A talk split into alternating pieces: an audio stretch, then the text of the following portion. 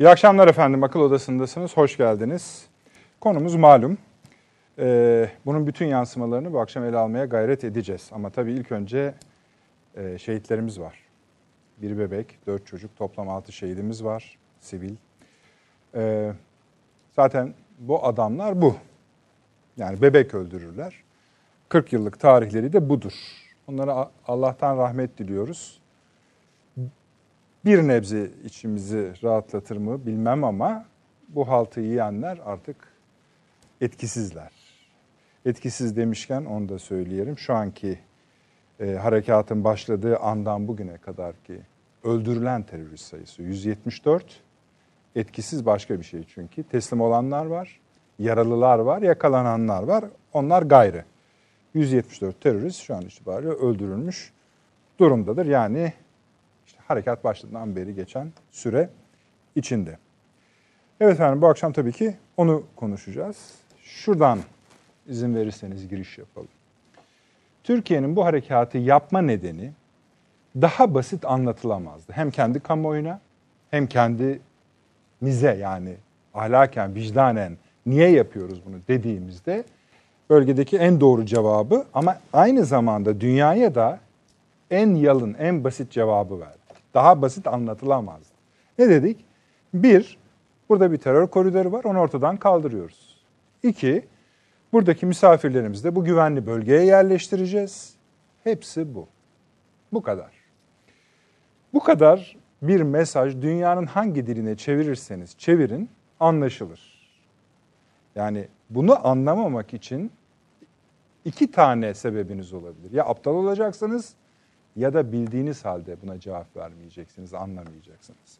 Efendim biz e, harek, e, operasyona başlarken bir harekat, bir mücadeleye giriyoruz. Zannettik, meğer iki taneymiş. Bildiğiniz birincisi zaten Türk Silahlı Kuvvetleri orada bu mücadeleyi yapıyor, harekatı sürdürüyor, gereğini de yapıyor. Planlanan, planan, planlananlardan daha hızlı ve etkili şekilde. Bunu da zamanla daha da belirgin hissedeceğiz, göreceğiz. Gel gelelim arkasından çıkan bir başka mücadele alanı dünya. Bunları tek tek sayabiliriz. Saymamız da gerekecek. Bu akşam biraz onu yapacağız. Efendim Avrupa Birliği ya da Avrupa Birliği'nin kimi ülkeleri öyle söyleyelim.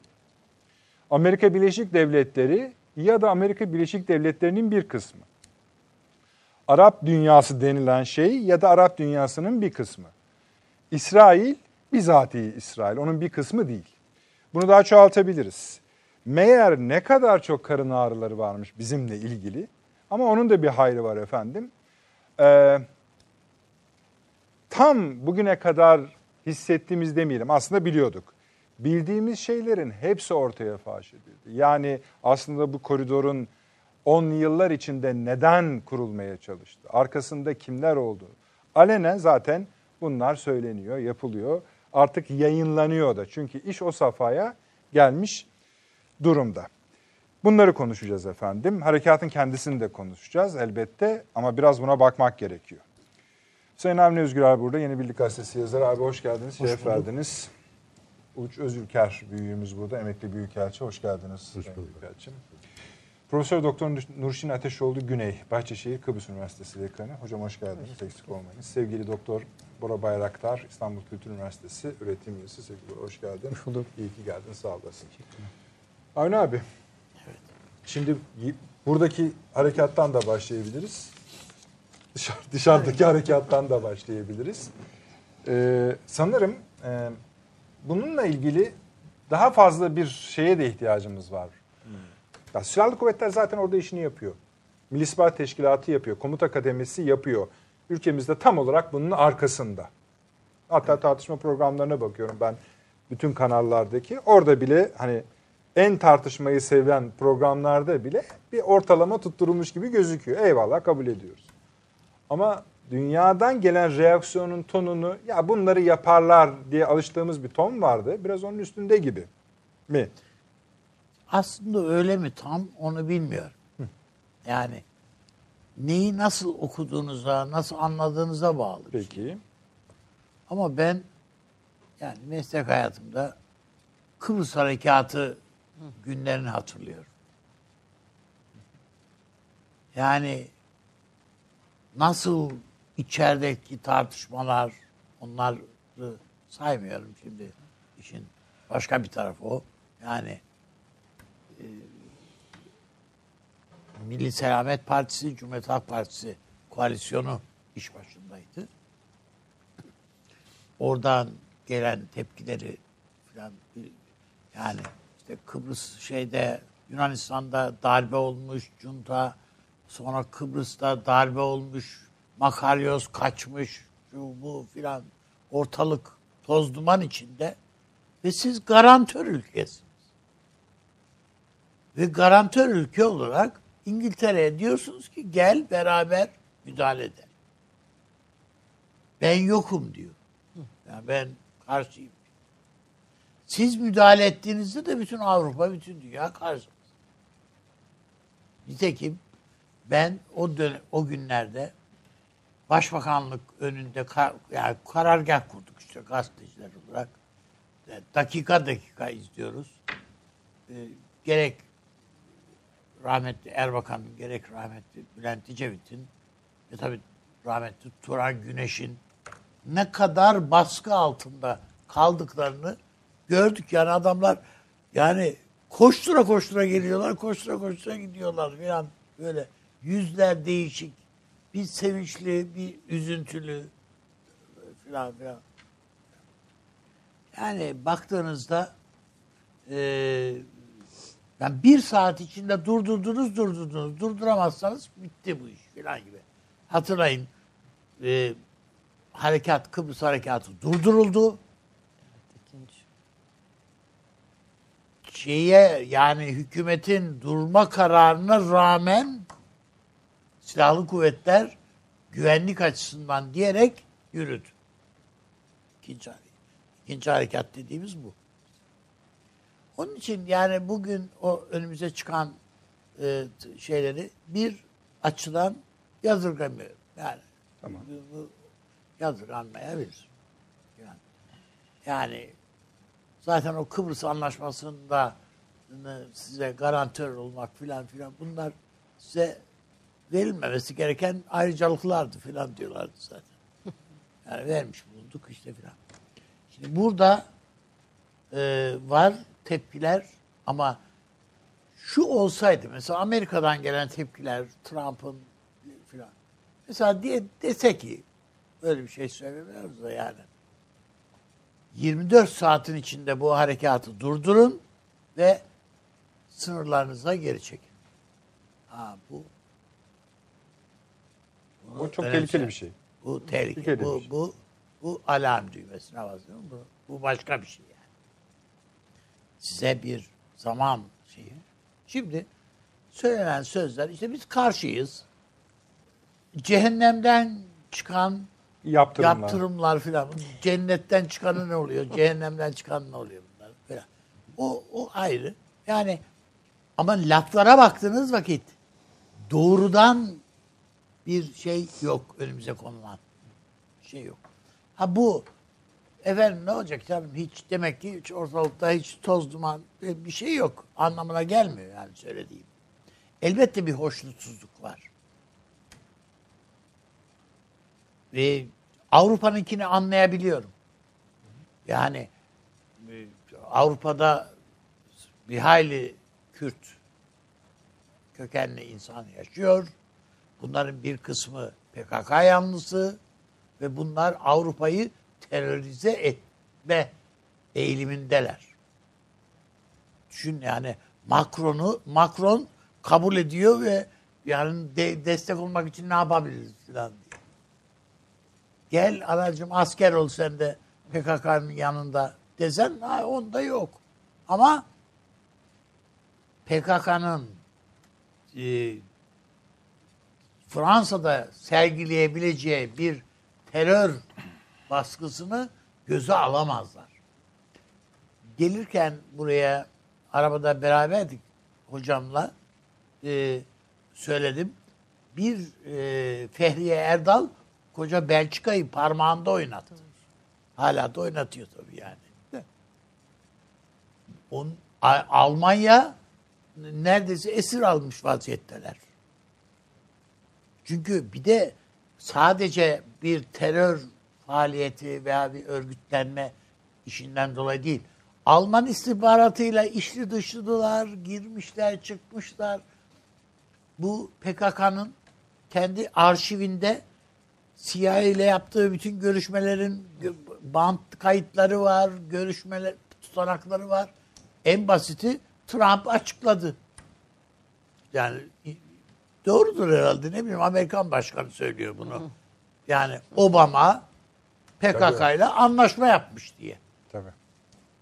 O Yani başka bu- bir tabii bu onu da tartışacağız bu akşam. Yani bir Amerikan başkanının kafasından atacağı bir şey değil. Değil. Laf olsun diye söylenecek bir şey değil. Demek ki yani bu bunların arka planlarında anlaşılabilir şeyler var. Bir de ön yargılar da var tabii. Yani bunda bilmediğimiz şeyler değil bu Türkiye ile alakalı olarak. Dolayısıyla ben esas bu harekat ve gelen tepkiler konusunda da bizim desteklerini beklediğimiz ülkeler vardı falan değil mi? Yani en azından dost, kardeş, işte e, iki, iki, iki devlet bir millet filan filan baktığımız var. Hiç ses seda çıkmıyor yani. Filistin'den, şuradan, buradan yani. İşte Arap Birliği filan olacak filan toplantısı filan onları bekliyor. Bir bunu yani bir bakalım göreceğiz ne, ne, ne diyorlar, ne yapıyorlar. Bir onu göreceğiz. Ama bir başka şey Sayın Cumhurbaşkanımızın çok böyle öfkeli bir takım şeyleri olabilir diye düşünmüştüm. Bakın mesela Trump'ın laflarını duymamazlığa geldi. O hani efendim ekonomisini mahvederim bilmem ne falan laflarını. Bu da iç, iç kamuoyunu yatıştırmak için öyle söylüyor falan dedi. Geçiştirdi yani. Falan. Ben o bakımdan Türkiye'nin tabii kolay bir şey değil. Bu çok büyük bir, geniş bir coğrafya. Çok zor, ne kadar düz arazi bilmem ne diyorsak da efendim bas gaza git. Böyle bir şey değil yani bu iş. Allah askerimize zeval vermesin. Yani mu- muvaffak etsin ordumuzu. E, muzaffer etsin. E, yani ama yine de kolay bir şey değil.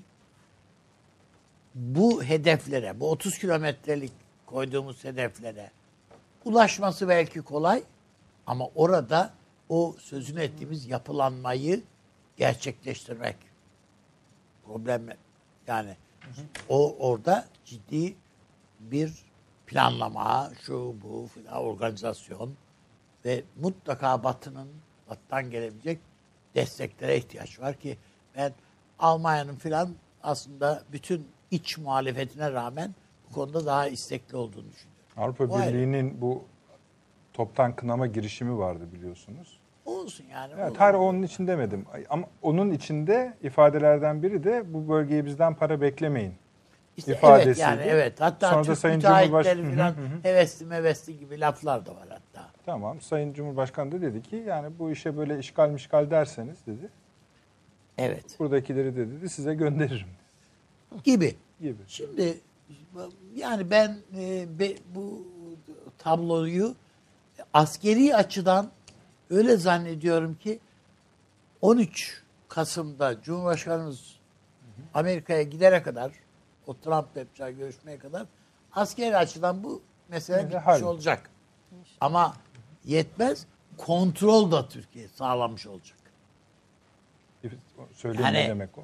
Ko- tabii yani sadece almak yetmez yani. Bir de orada kontrolü de eline almak Çünkü lazım. hem teröristten terör temizleyeceksiniz hem de huzur hem de, hem de, getireceksiniz. hem de ko- evet kontrolünü de- denetimini sağlamış olacak. alacak.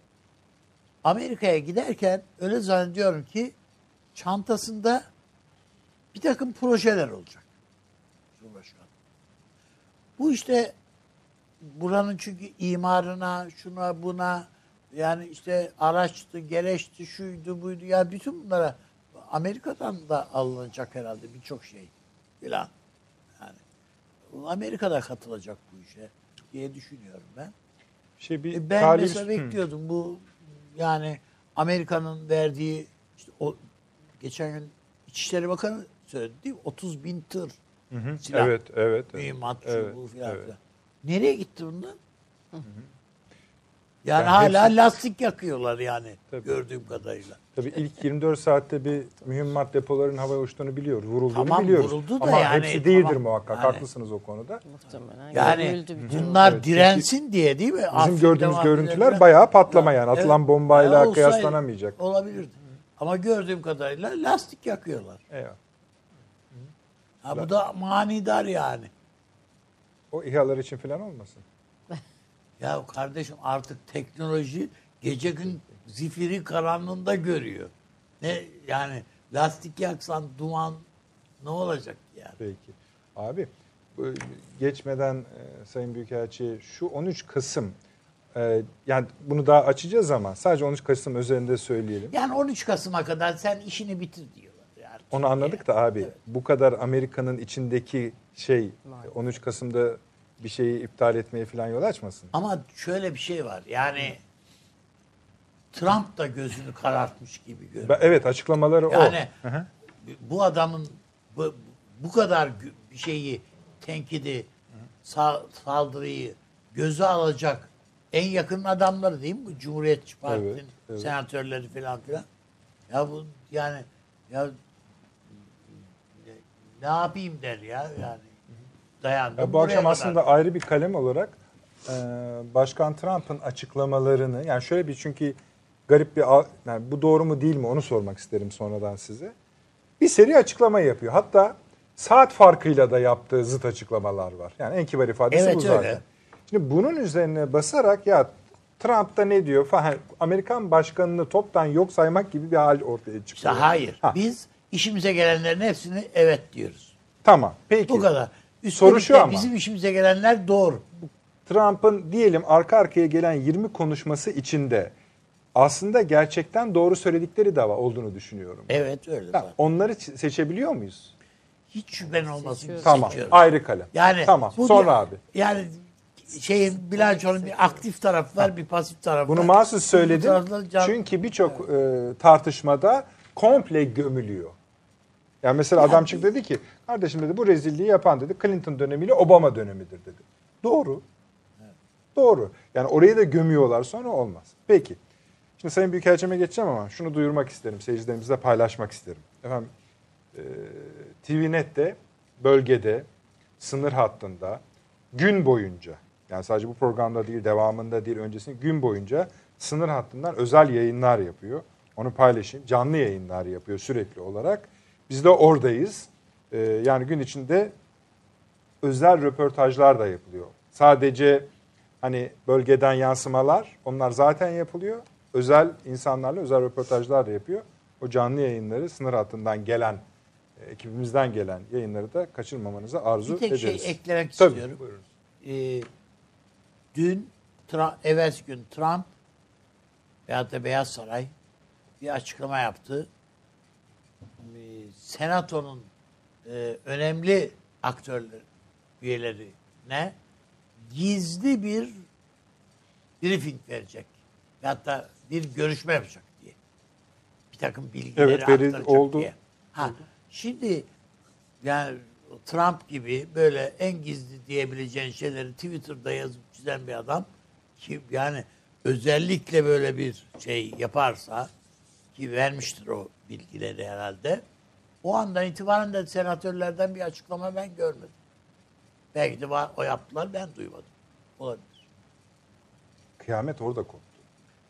İşte bu herhalde bir şeyler söylendi orada filan.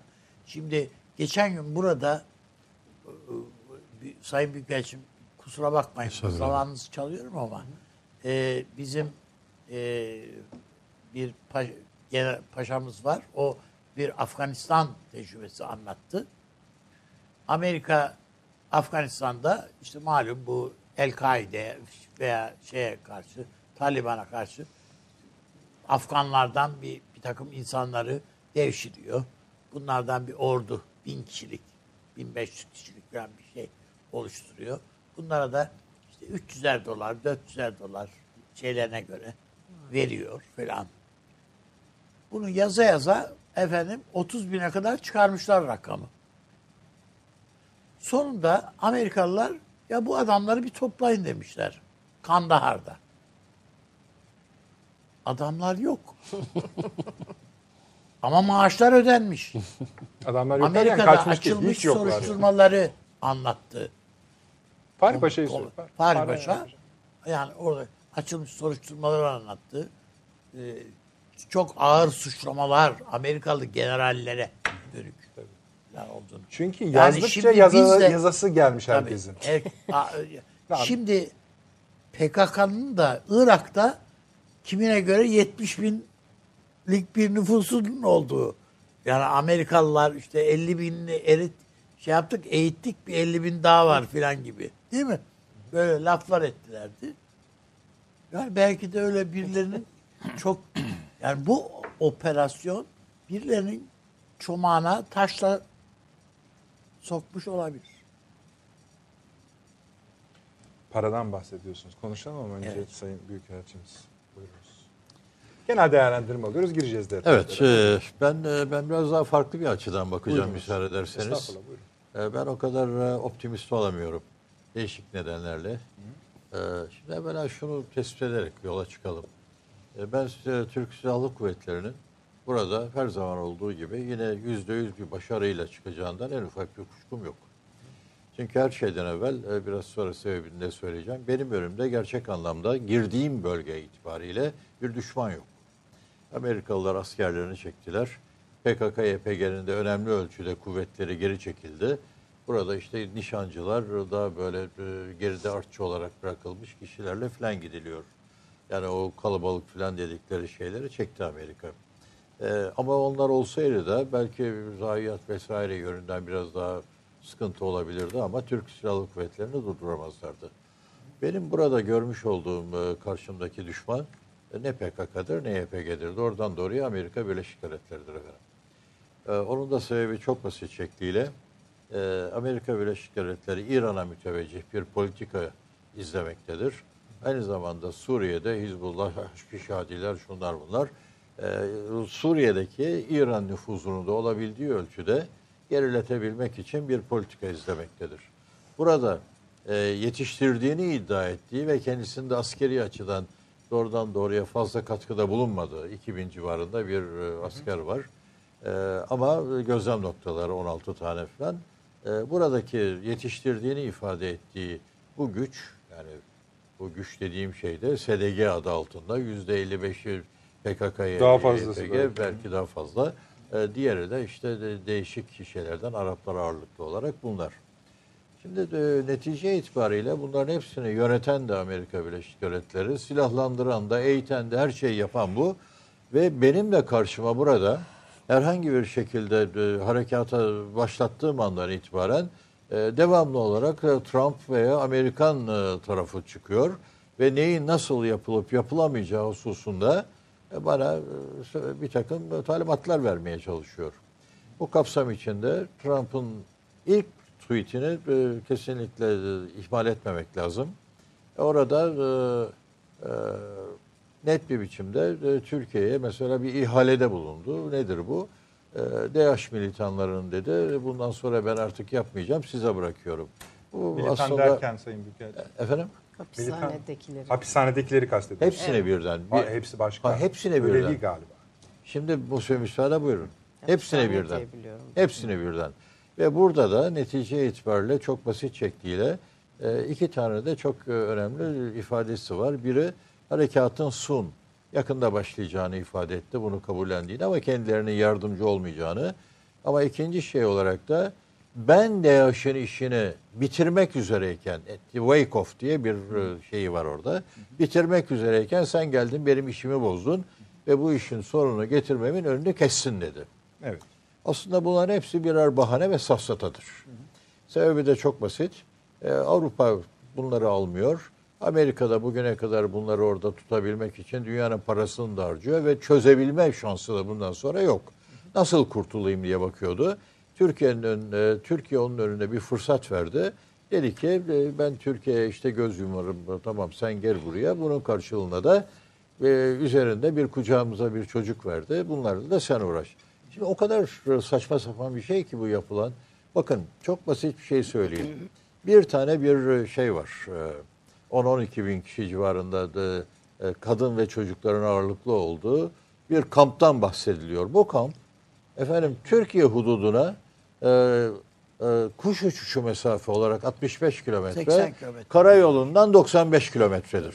Yani şeyin dışında. Ben 30 kilometreden öteye geçemiyorum. Öyle mi mevcut koşullarda? Peki bana 1 ve 32 kilometre neyse. O 32 kilometreyi de biz yaratmadık. Trump'ın bizzat kendi ifadesiyle 20 mil verdim dedi. Bunun karşılığıdır. Şimdi e, ben 30 kilometrenin ötesine geçemiyorsam şayet gidip de bu 60 kilo 65 95 kilometre ötedeki bu kamptaki insanları ben nasıl derdest edip de bu, ne yapacağım? İki, çok çeşitli yerlere dağılmış olan bir sürü militan var. Ve bunlar hapishanedeler. Bunların da kontrolünü önemli ölçüde YPG'ye ve PKK'ya vermiş vaziyette. Onlar da tehdit ediyor Amerika'yı. Bak diyor ben üstüme fazla gelirlerse ben bunları bırakırım bakmam bu işe diyor. Ama bir de diğer bir tarafı var tabii. Onu da çok Daha önce de açıkladı PKK. açıkladı. Açıkladı Yani evet. Yani başka benim gidip şimdi o hapishaneyi kontrol eden PKK ile Amerika benim pazarlığa falan mı oturmamı bekliyor bunları alabilmek için? Yani e, bu- bunun bir izahı falan da yok. Ayrıca bu söylenmiş olan sözün fiiliyatta gerçekleştirilebilme şansı da yok. Bugün Cumhurbaşkanımızın açıklaması aslında buna bir cevaptı. Benim kontrol ettiğim bölge itibariyle size söz veriyorum bir tane DH'lı kalmayacaktır dedi. Bu da tamam. 2000 civarındadır. Onları da alıp zaten derdesteler başka geçip gideriz. o rakam e, 1300 ile 1500 söyleniyor. Evet. Tamam. Neyse Tamam. Ya, tamam. 2000 yani- de olsa 1000 de olsa, olsa ben tamam. onu bitiririm. evet. Bunun ötesinde benden bir angajman bekliyorsanız benim bunu e, hangi şartlarda yapacağım bu tartışmaya açımları tabii ama yani Trump'ın üzerine de pek fazla şu anda gitmek istemiyoruz. 13 Kasım Evet, bizim için rezervde tutulması gereken bir e, konumdadır. Şimdi bir kere tweetinde bizim üzerimize ihalet ile bıraktığı bu e, şeyin çözümü yok. Manasız. Ama daha başka bir şey işte ekonomik bakımdan bugün yine mahvederim Türkiye'yi eğer hudutları açarsanız dedi. Şu sınır neymiş diye kendi kelime bir araştırdım. Gittim ne demek istiyordu acaba diye yazarlar bilmem ne birçok yere baktım. Üç tane konu üzerinde duruluyor. İnsan haklarına riayet. Ordumuzun insan haklarına riayet konusunda herhalde şikayet edilebilecek bir tarafı yok. Eğer zaten aksi olsaydı bugün e, topyekun 30 kilometre bitmişti. Tabii Yani canım. onu bile beklemeye gerek olmazdı.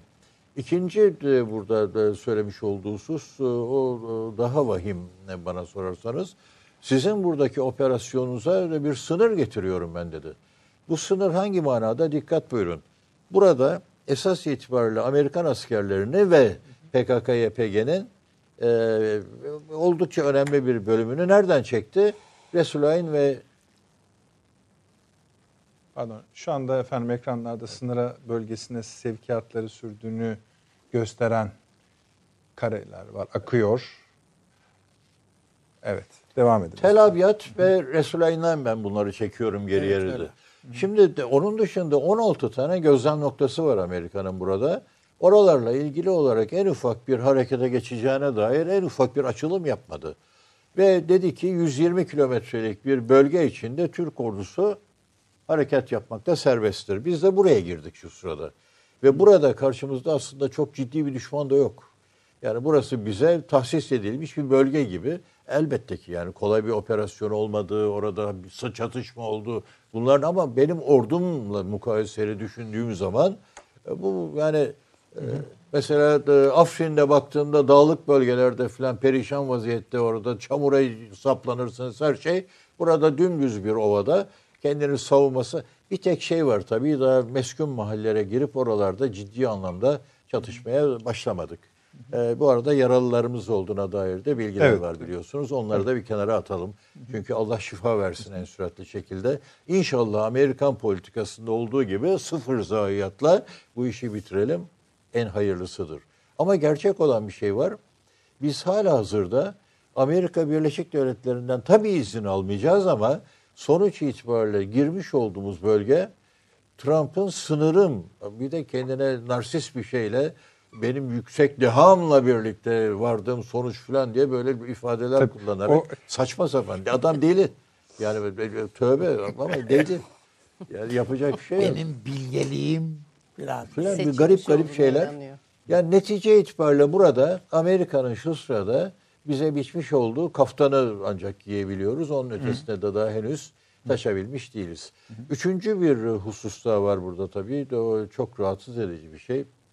Hani insan hakkı vesaire hepsini söyleyebiliriz. Ee, efendim burada bir de Suriye çıktı ortaya şimdi. Ee, Suriye'den de Beşar Esad bir açıklama yaptı. Ee, bugün bir röportajı var. Yani çok ilginç. Diyor ki burası benim toprağım ve netice itibariyle bu topraklar e, gel dedim ben Türkiye'ye birlikte hareket edelim kendi toprağımda. Ben güneyden sen kuzeyden bu işi daha çabuk ben seni davet etmiş olurum böylece.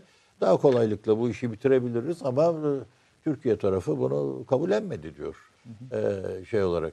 Ve bu arada Rusya e, herhangi bir şekilde bir tutum almadan bizi gene Esad'a doğru Adana mutabakatı falan diye o tarafa doğru sürüyor. Ama şu unutuluyor genellikle. Esad'ın bu topraklarda bir e, gücü var mı? Yani ben onunla işbirliği de yapsam Esad kendi birliklerini Amerika'nın kontrolü altındaki bu bölgeye gönderip de bir şey yapabilir mi? Hayır. O zaman ben meşru müdafaa hakkımı kullanıyorum. Ama şimdi bunu kullanırken de hemen bir parantez açıp e, teferruatını hep tartışırız. Tabii. Efendim diyoruz ki 51. madde kapsamında giriyoruz. Yani 7. bölüm 51. madde. Bu meşru müdafaa hakkıdır. Ee, biliyorsunuz Birleşmiş Milletler'deki bütün kararlar Güvenlik Konseyi'nde alınır. Ve e, Kıbrıs'tan bahsetti hocam biraz evvel. Orada bir e, benzetme yapmak bence doğru değil. Çünkü orada ben bir gerçek anlamda anlaşmayla tespit edilmiş garantörlerden biriydim. İngiltere bana yapma dedi ama beni engelleyemezdi. Çünkü garantör sıfatıyla benimle beraber gelmek mükellefiyeti vardı. Gelmedi. Yalnız e, şunu aklımızdan çıkarmayalım Kıbrıs'ta da. Kıbrıs'ta iki harekat vardır biliyorsunuz. Birinci harekat meşrudur. Bugün hiç kimse Türkiye'ye ilk çıkarma ile ilgili olarak sataşmaz. Çünkü o garantör sıfatıyla girip yaptığınız şey. İkinci harekatla ilgili olarak müzakere masasındayken İngiliz Dışişleri Bakanı'nın bir sözü var. Kıbrıs meselesinin e, derinleşip başımıza dert olarak e, sarılması için uğraşan Yunanistan'ın gücü yetmezdi buna. Hiçbir zaman yetmedi. Bugün de yetmez. İngiltere'dir. O David Haney diye benim mesela bakanlıkta görevliyken e, benim Londra'da Büyükelçimin Dışişleri Bakanlığı'na girmesine dahi mani olabilmiş bir adamdır. Böyle bir adamdır. Bunu Kıbrıs'ın başına oturtmuşsunuz. Bu adam size her yönüyle ne kötülük la- lazımsa yaptı.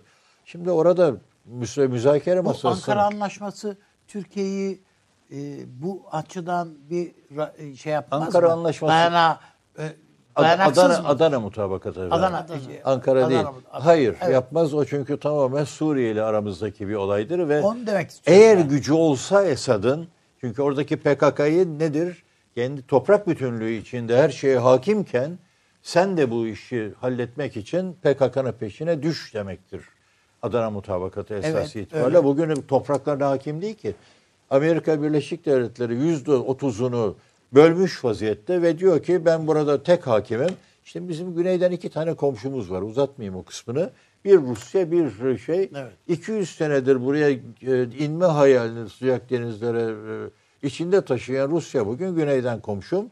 Şimdi bir de Amerika ben de bunu bırakmayacağım. Değişik nedenlerle biraz evvel de kısmen söyledim. Ben de burayı terk etmeyeceğim diyor. Ve çok ilginç şekilde Türkiye girebilir diyor.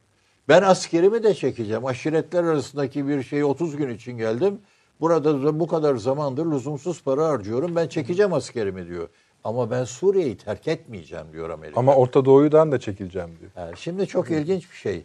Orta Doğu'dan çekilirken arkasında bir yandan işte bu PKK, YPG'yi Bugün mesela Amer- bölgedeki önemli Amerikan üslerinden birisi de boşaltılıp Irak'a geçti. evet. Hı hı, buyurun. Evet.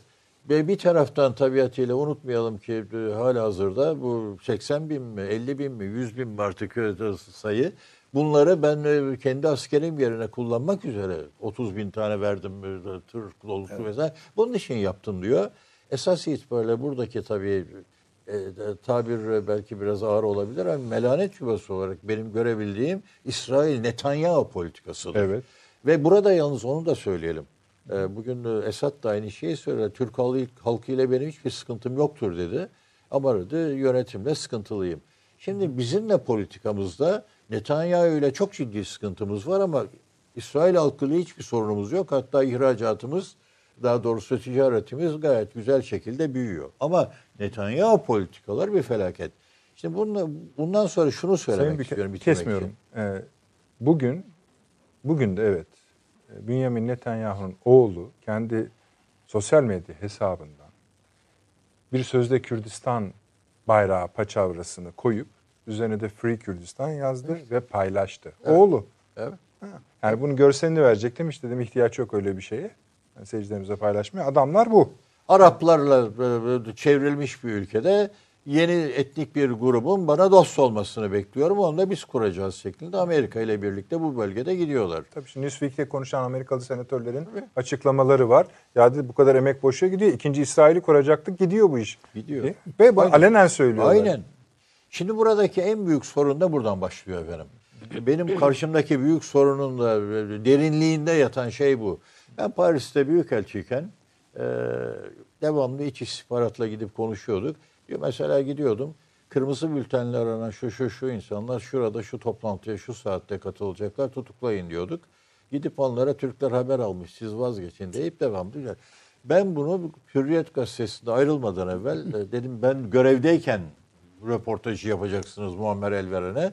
Fakat e, Ertuğrul Özkök ya bu çok ciddi bir e, itham dolayısıyla ayrıldıktan sonra yapsak daha hayırlı falan demiş ama söylediğim şu. Bu çok ilginç bir şey. Yani siz büyükelçi Am- yani Fransa büyükelçisiniz değil Paris'te mi? Türkiye'nin büyük. Büyükelçisiniz. Ko- Beyanat vermek Beyan, istiyorsunuz. beyan, bunu niye yapıyorlar? Onu da söyleyeyim. Beyanatın esası çok vahim. Ben dedim ki aslında e, PKK falan diye bir şey yoktur. Yaratılmış ve hala hazırda arkasına geçilmiş vaziyette topyekün desteklenen Türkiye düşmanı aleyhtarı olarak yapılan bir operasyon vardır. PKK budur dedi. E, Sayın Büyükelçi bu çok doğru. Yani çok güzel ifade ettiniz ve özetlediniz esasında. Bugün önümüzdeki feryat figanın sebebi de bu. Ha, şimdi- Adamlar Plan bu, bu, bu adam rol yaptığını bunlar sizin dediğiniz çok doğru ama zaman içerisinde PKK rolünü benimsedi.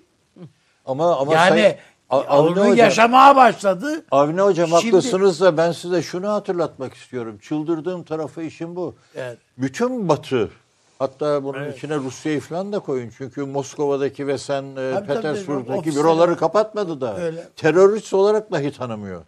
Şimdi burada çok basit bir şey söylediler. Ben PKK'yı ve YPG'yi müttefikim Türkiye'ye tercih ediyorum diye bir politika ortaya koydular bunlar. Bunu da ilan ettiler. Şimdi dolayısıyla da bizim burada karşımızda Onun için olan adamlar ama bu kadar ağlıyor PKK. Yani arkamızdan hançerlendik diyor Evet. adam. Ama ne bunla- yapsın? bunları söylediği zaman da Amerikan kamuoyu ve oradaki bütün köşe yazarları e, bu gene müttefikimizi satmaktayız. Bunu da yapma hakkınız yoktur diye üstüne gitmeye başladılar. Yine de ufak parantezi ben kapatmayayım da yani yine de Hürriyet Gazetesi bunu yani Ertuğrul Özkök Bey bunu yapmamış, yayınlamamış. Bu. Yayınladı. Ha yayınladı mı ben sonra? döndükten sonra ama. Ha, ben görevde ki ben görevdeyken yayınlayın bana sorsunlar Fransızlar. Ben de onlara ispat edeyim elimdeki bütün belgelerle. Demiş ki başı büyük ölçüde de- derde girer. Dolayısıyla bunu döndükten sonra yapalım da rahat olsun. Peki. Neyse. Şimdi şöyle tamamlayayım müsaade ederseniz. Bu Başınızın e, çok önemli bir şey söyleyeceğim. Korkmamıştır da kendi başının derde gideceğinden korkmuş. Çok çok önemli bir şey söyleyeceğim efendim. Ee, çok önemli derken benim için çok önemli ama olayın kendisi de aslında çok önemli. Ee, dört tane ülke biliyorsunuz. İngiltere, Almanya, Fransa ve Belçika e, Güvenlik Konseyi'ni toplantıya çağırdılar. Bu toplantı bu akşam yapılıyor işte veya bugün e, yapılıyor. Şimdi orada normal şartlarda ben ne bekliyorum? İlk başvuruyu yapanlar biliyorsunuz İngiltere ve Fransa. Yani davet yani siz de gelin imzalayın diye. İmzalayın diye. Şimdi aslında İngiltere, Fransa'nın Birleşmiş Milletleri bu başvuruyu yapması da manidar bence. Efendim Astana sürecinde de e, dörtlü toplantılarda Almanya, Fransa'yı da biz kendimiz biliyorsunuz. Ha, tamam onda bir sakınca Bir yok ama İngiltere, var. Fransa bu haritayı çizen Bu harita için tabii. Şimdi o harita bozulduğu için esasında adamlar Plan tekrar. bozuldu. Kesinlikle. Peki buyurunuz. Şimdi burada e, bu akşam ben şeye bakıyorum. Hani biraz evvel e, kongredeki bu Graham Evet. şeyi. Şimdi bunlar Van Holden e, o da e, önde gelenlerinden biridir demokratların e, orada.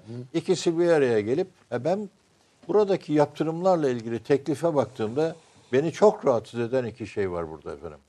Bunlardan bir tanesi aslında e, Türkiye'yi hedef almıyorlar bunlar doğrudan doğruya hükümete ve Cumhurbaşkanı'nı hedef alıyorlar. Terbiyesizlik bu yahu. değil ama zaten. Uzun Yani bir dönemdir öyle. de diyor ki de ben seni indireceğim buradan diyor esas itibariyle. De- İşin özü bu. Hatta o kadar ileri gideyim şunu söyleyeyim. Garibime gidiyor tabii. Ee, Sayın Bahçeli ile ilgili olaraktan o atılan tweet'e ben bunu e, beğendim diye yazdıkları zaman orada da beni çok rahatsız eden bir şey vardı. O da şu.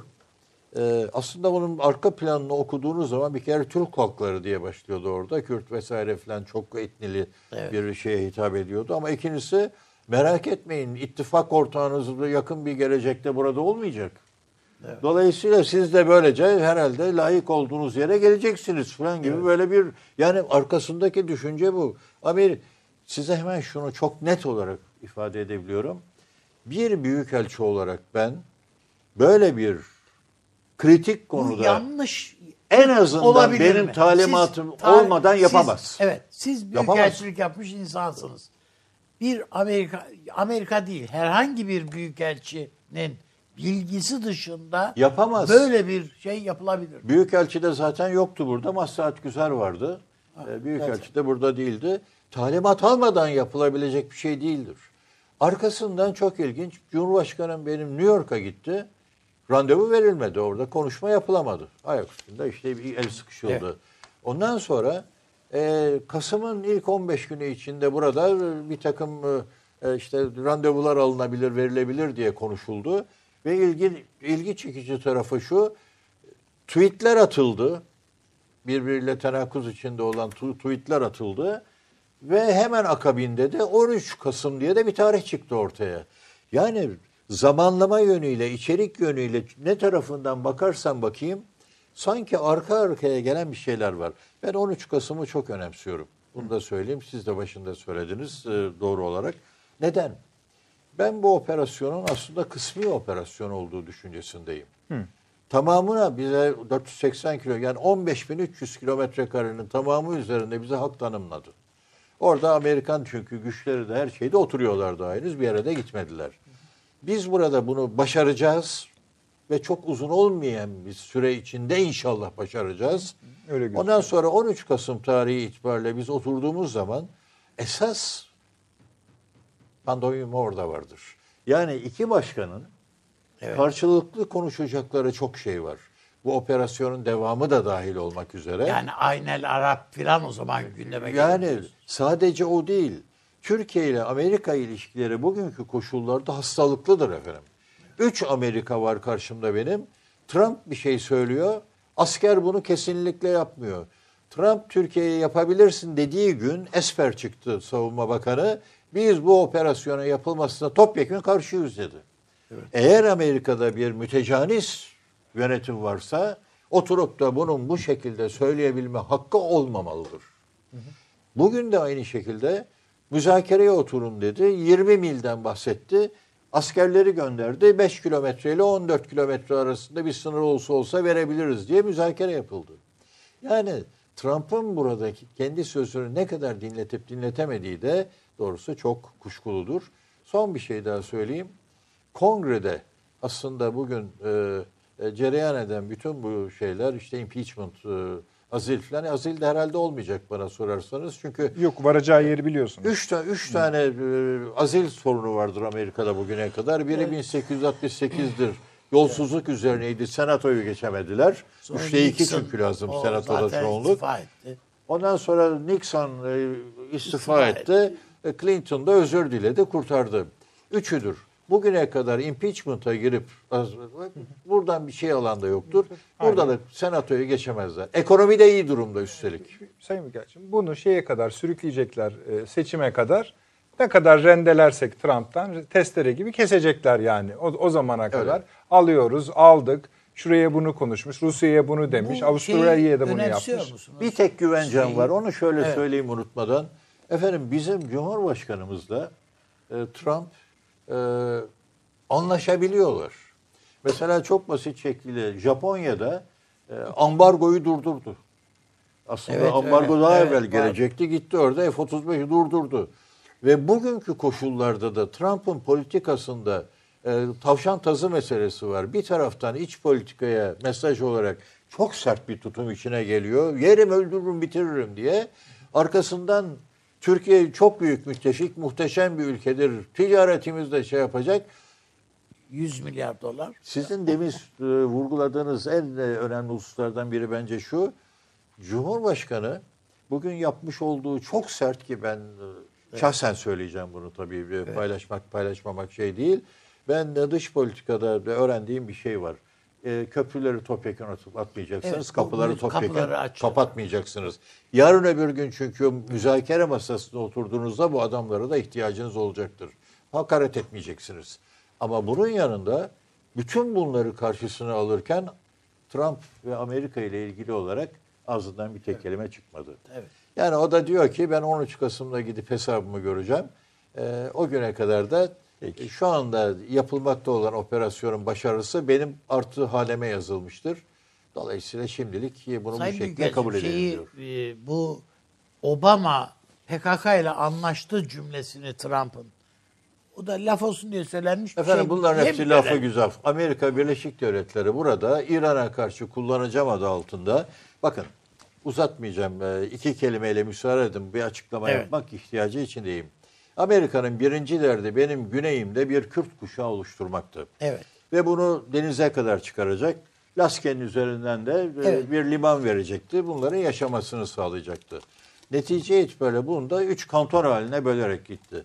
Bu kan- kantonlardan batıda kalan iki Afrin'e kadar giden e, hiçbir zaman burası Kürt ağırlıklı, yoğunluklu Evet. olmamıştır. Esas itibariyle diğer etnik gruplar daha öndeydi.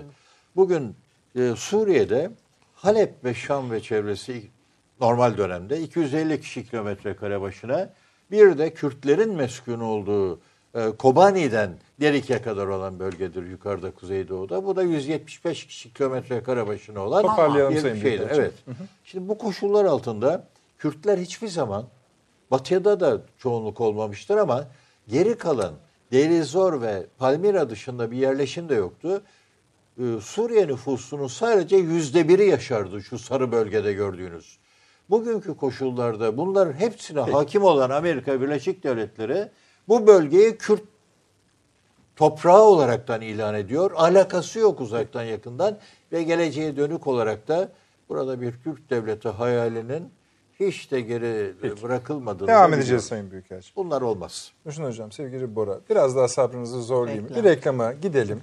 Ondan sonra rahat rahat bol bol konuşacağız. Zamanımız var. bu Kusura gece. bakmayın şey yaptım ama. Evet, bir reklamlara gidelim arkadaşlar. O işi Pofas'ta aradan çıkaralım. 30 saniye reklam arası. Şu an bizi nerede dinlediğinizi bilmiyoruz. Bildiğimiz tek şey ya az önce yemek yediniz ya şu an yemekle meşgulsünüz ya da birazdan acıkacaksınız. İşte tam da bu noktada Lokma devreye giriyor. Mutfağa dair her şeyi en özel tariflerle ve kullanıcı dostu platformuyla dijitale taşıyan Lokma, dergi kalitesindeki tüm tarif arşivini mobil uygulamasıyla da sizlerle buluşturuyor. Dijital tarif defteriniz lokma.net'e göz gezdirmeyi, beğendiyseniz uygulamayı indirmeyi, son olarak da Lokma'yı ve GZT'yi tüm sosyal medya platformlarından takip etmeyi unutmayın. En lezzetli tariflerde görüşmek üzere. Reklam arası sona erdi. Döndük efendim, akıl odası devam ediyor. Nurşin Hocam, bir A4'ü önlü arkalı mı, sadece arkası mı? Yok. Sağ, bir yüzü. E tamam, mütevazı arar Hayırlı not aldınız, buyurunuz. Evet, e, ben e, bu e, Barış Pınarı operasyonunun zamanında ve bir fırsat penceresinin aralandığı andan itibaren kullanıldığını düşünüyorum ve çok yerinde olduğunu düşünüyorum. Bir defa en büyük fırsat Trump'ın e, bir şekilde Orta Doğu'dan çekilme e, niyetinde olduğu ve bu bağlamda da e, iki taraf arasında yani Amerika Birleşik Devletleri ve Türkiye arasında Hocam e, oluşan Kesmek zorundayım. Şimdi efendim biliyorsunuz Birleşmiş Milletler'de Türkiye'nin kınanması e, tartışması yapılıyor idi. Burada e, opera, Birleşmiş Milletler'in operasyonun yani bu harekatın Türkiye'nin yaptığı harekatın bitirilmesini öneren bildiri sunulmuştu. Bunda bir uzlaşı sağlanamadı Birleşmiş Milletler Genel Kurulu'nda. Ee, buraya kadar teyit edebiliyoruz. Buradan sonra bir ifade var. Amerika Birleşik Devletleri ve Rusya tarafından durdurulduğu ya da veto edildiği ya da kabul edilmediği dikkatli ifadeler kullanıyorum. Ee, söyleniyor. Yani ikinci bölüm söyleniyor, birinci bölüm haber. Bu önemli. Bu önemli. Bunu da konuşacağız. Nurşin Hocam bunu da dahil ederseniz. Çok önemli. Evet, çok önemli. Ee, bir defa güvenlik Yani şöyle bir şey. Eğer bu tam doğruysa bağışlayın Evet. Nurşin Hocam. Yani Amerika ve Rusya öyle bir şeyi kınayamazsınız kardeşim ya da böyle bir bildiri yayınlayamazsınız dediyse dünyanın geri kalanı siner. Evet. Bir de 5 Çok güvenlik önemli, çok önemli. konseyinin 5 daimi üyesi.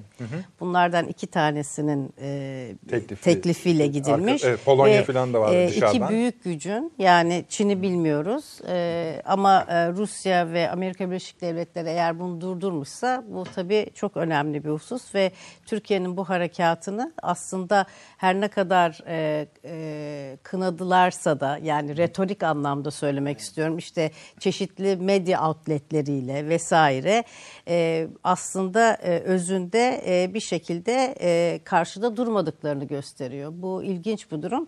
Dolayısıyla ben e, kendi konuşmamın başına e, dönersem tekrardan e, demek istediğim şuydu. Gerçekten de demek ki bu bir fırsat e, ve bu e, aralanan e, fırsat penceresinden Türkiye şu anda bütün e, risklere rağmen e, önceden kendisine söylenenin aksine yani Fırat'ın doğusuna asla geçemezsiniz. Bunun öncesinde de e, biz Amerika Birleşik Devletleri'nden farklı e, kesimlerden bir başka ifade daha duymuştuk. S-400'leri alamazsınız. Alırsanız şunu şunu şunu yaparız. Bunun e, alındığı andan itibaren katsa yaptırımlarının gerçekleşeceği vesaire bütün bu sözleri duyduk. Şunu söylemeye çalışıyorum.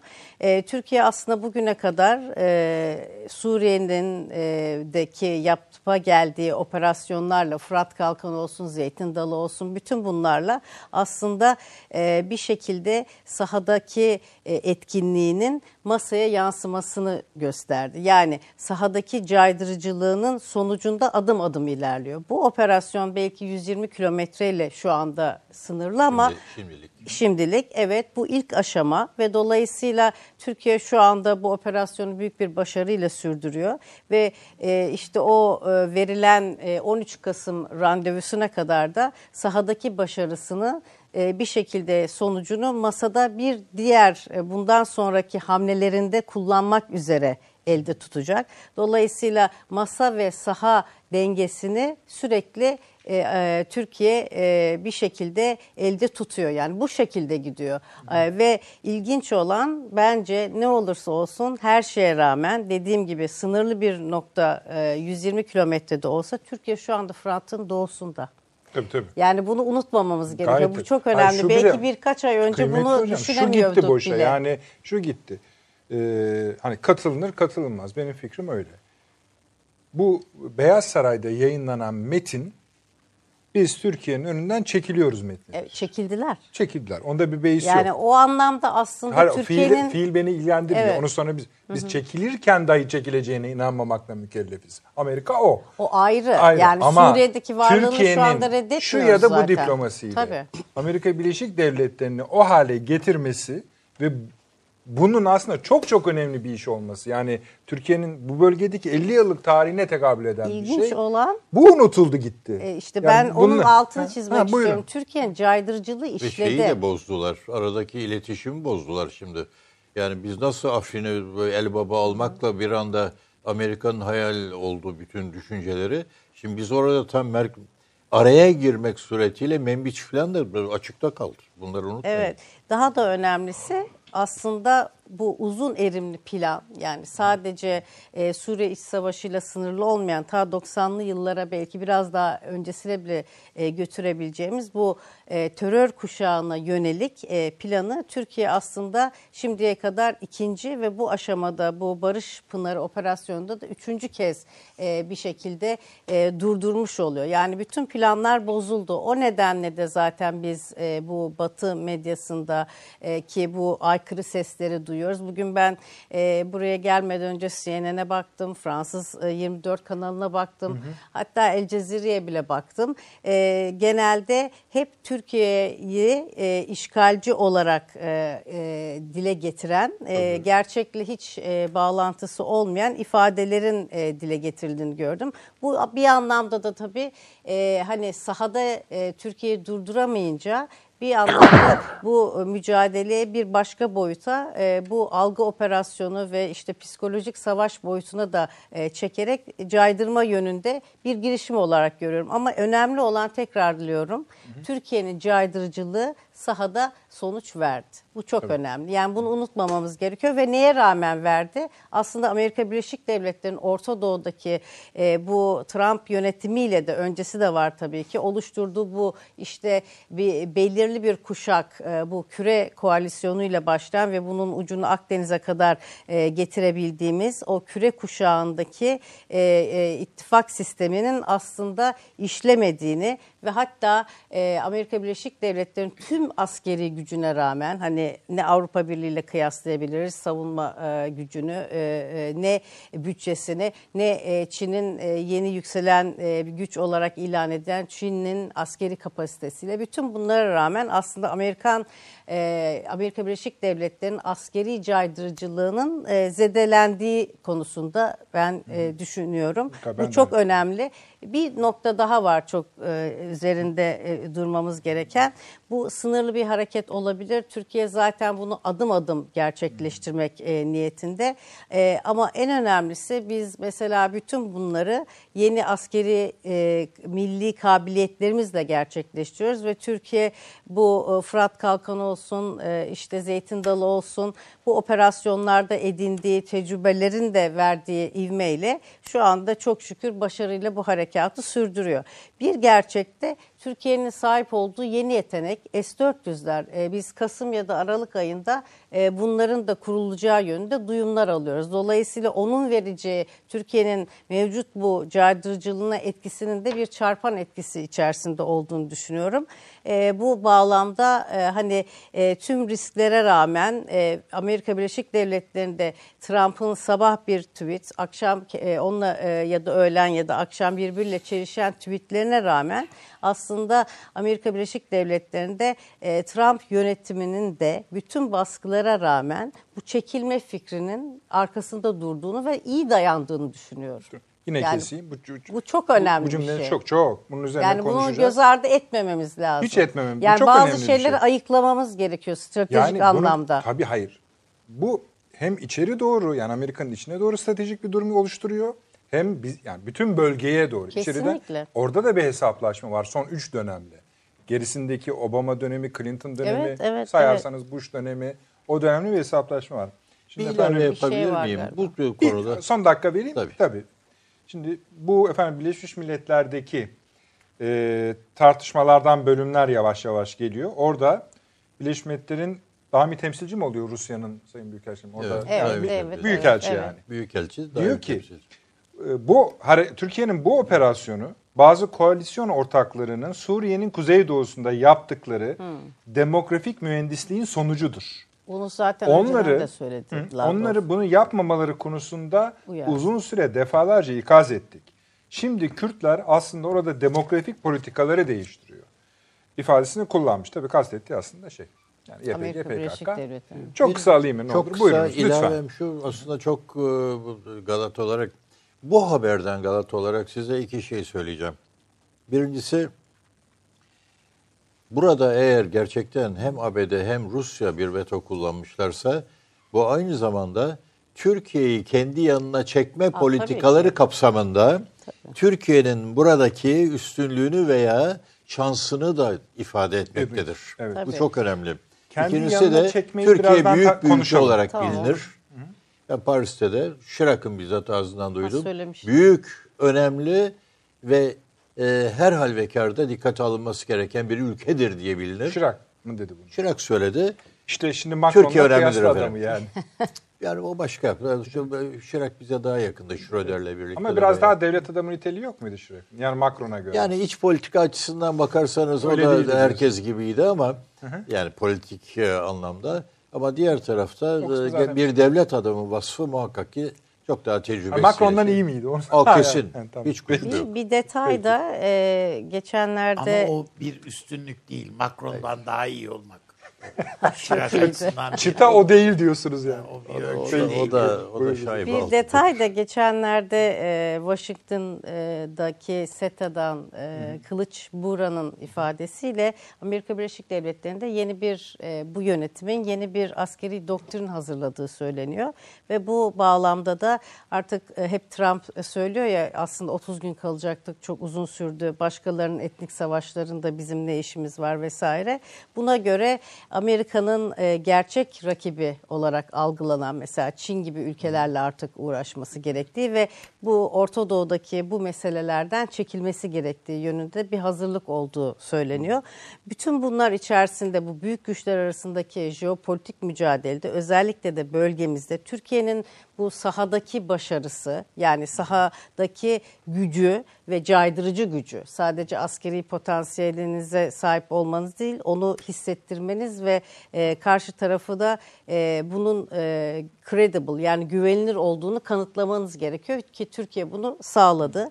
E, şu andan itibaren e, eğer Sayın Büyükelçimin dediği gibi ise yani bu Güvenlik Konseyi'nde iki ülkede bu kararı vetolamışsa e, o zaman gerçekten Türkiye'nin bu bölgede dengenin dengeleyicisi rolünün iki taraf açısından da algılandığını Yani söyleyebiliriz. Yani bu jeopolitik mücadelede Türkiye'nin zaten Trump da söyledi tweetler arasında NATO'daki önemini biliyoruz. Ee, Rusya için keza e, yıllarca Soğuk Savaş döneminde yapamadığını bir NATO üyesine e, ikinci büyük askeri gücüne, kara gücüne bir S-400 satmak e, başarısını gösterdi. Yani iki rakip e, güç arasında çok önemli bir pozisyonda ne tarafa yöneleceği ve evrileceği konusunda bir mücadelenin yansıması olarak okuyabiliriz. O konuda ben de Büyükelçime katılıyorum. Peki.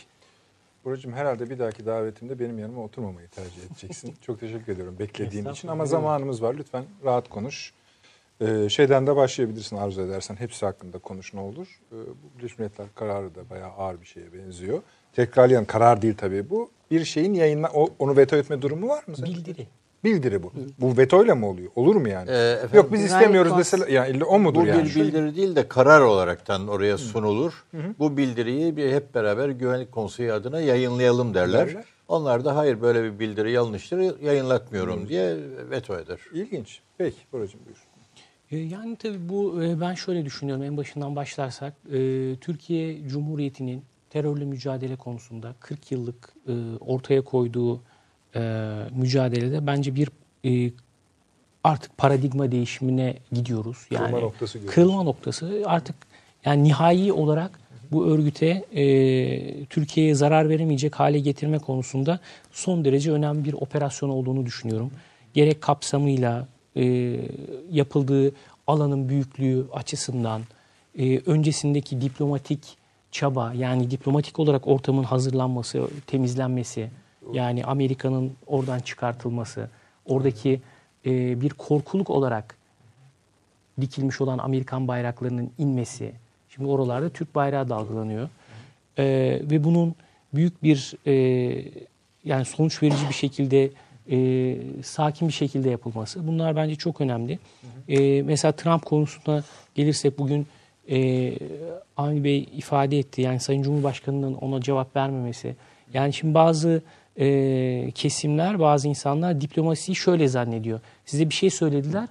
Yani e, size hani bu ekonomiyi alt üst edeceğiz dedi, hakaret etti.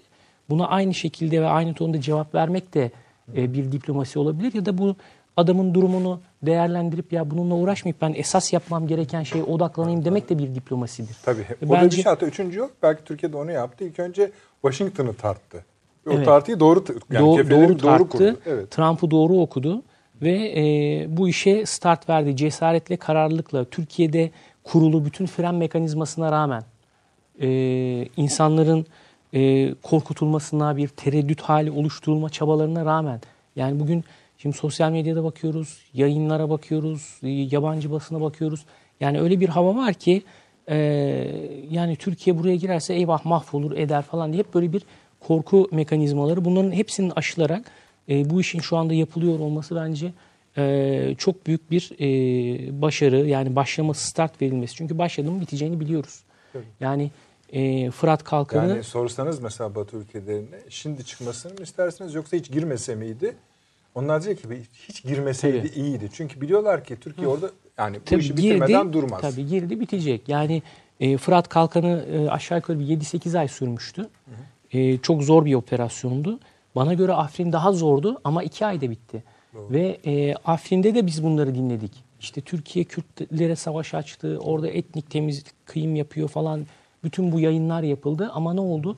2 ay içerisinde yani e, çok e, küçük e, bir e, belki hemen hemen hiç olmayacak e, bir sivil e, kayıpla bu işi tamamladı. Biz öbür tarafta bu operasyonların nasıl yapıldığını gördük. Yani Rakka dümdüz edildi. Musul dümdüz edildi. E, DAEŞ'le mücadele adı altında ama Afrin olduğu gibi duruyor. Ve e, burada hayat devam ediyor.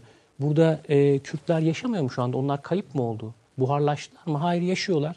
Ve e, istikrar içinde yaşıyorlar. Şimdi deniliyor ki Türkiye burada geldi istikrarı bozacak. Evet Türkiye Suriye'nin kuzeyinde istikrarı bozacak ama Amerika'nın kurmak istediği terör örgütünün istikrarını bozmaya gitti oraya Türkiye ve onu bozacak. Şimdi başka bir istikrar sağlanacak orada.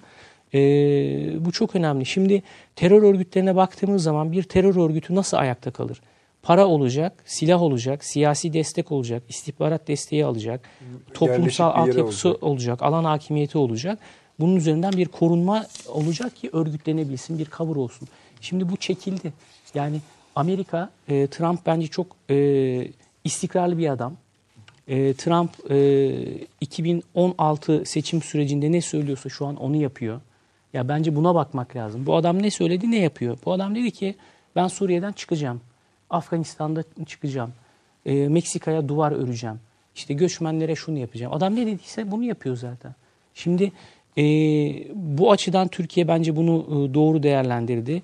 E, Trump'la e, bu işi çözdü. Üç defa bu işi Türkiye denedi. Üçünde de Trump e, içerideki e, şeye direnemedi. Dirence direnemedi. Yani CENTCOM'a, e, Dışişleri Bakanlığı'na, Tabii. bürokrasiye direnemedi. E, ben şöyle bir tweet attım birkaç gün önce. E, Amerika'nın demokratik seçimle iş başına gelmiş başkanı bir karar verdi. Ve bunu yazılı olarak ilan etti. İşte Türkiye Resmi girecek. Artık o Amerika'nın kararı Buna, oluyor. buna atanmış bürokratlar e, direndiler. Kendi yetkilerini de aşarak. Bana göre dedim bu bir kalkışmadır. Tabii. Yani çıkıp e, Ki en az yüzde ellisi, en az yüzde ellisi silahlı. evet bu bir kalkışma. Ve adam e, iki defa buna e, direnemedi. Geri adım attı. Fakat gördü ki e, geri adım attıkça kendi iktidarını ve kendi Sen başkanlığını... deyince şeyi hatırladım. Trump hakikaten bu azil meselesi ortaya çıktığında bu bir darbedir demişti. Evet. Evet. Bu Darbedir bir darbe girişimi yani. Evet, evet. Başarısız bir darbe girişimi.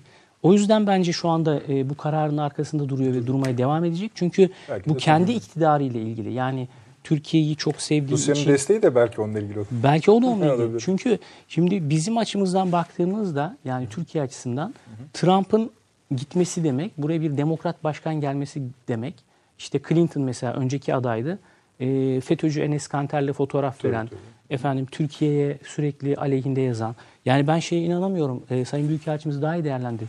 Yani Nikki Haley e, Birleşmiş İnanılmaz. Milletler'in e, daimi temsilcisi eski bir Amerikan diplomatı Turkey is not our friend diye hashtag'e yazı yazabilir. Evet, ya bu inanılmaz. akıl dışı, bu kabul Yani daha edilemez önce yani. söylemiştim abi hatırlayacaksın. Boeing'in de yönetim kurulu üyesiydi. Evet, şimdi yani bir O diplomat kadın şunu demiş kadın yani işte bir tekrar edeyim o kısa bir şey.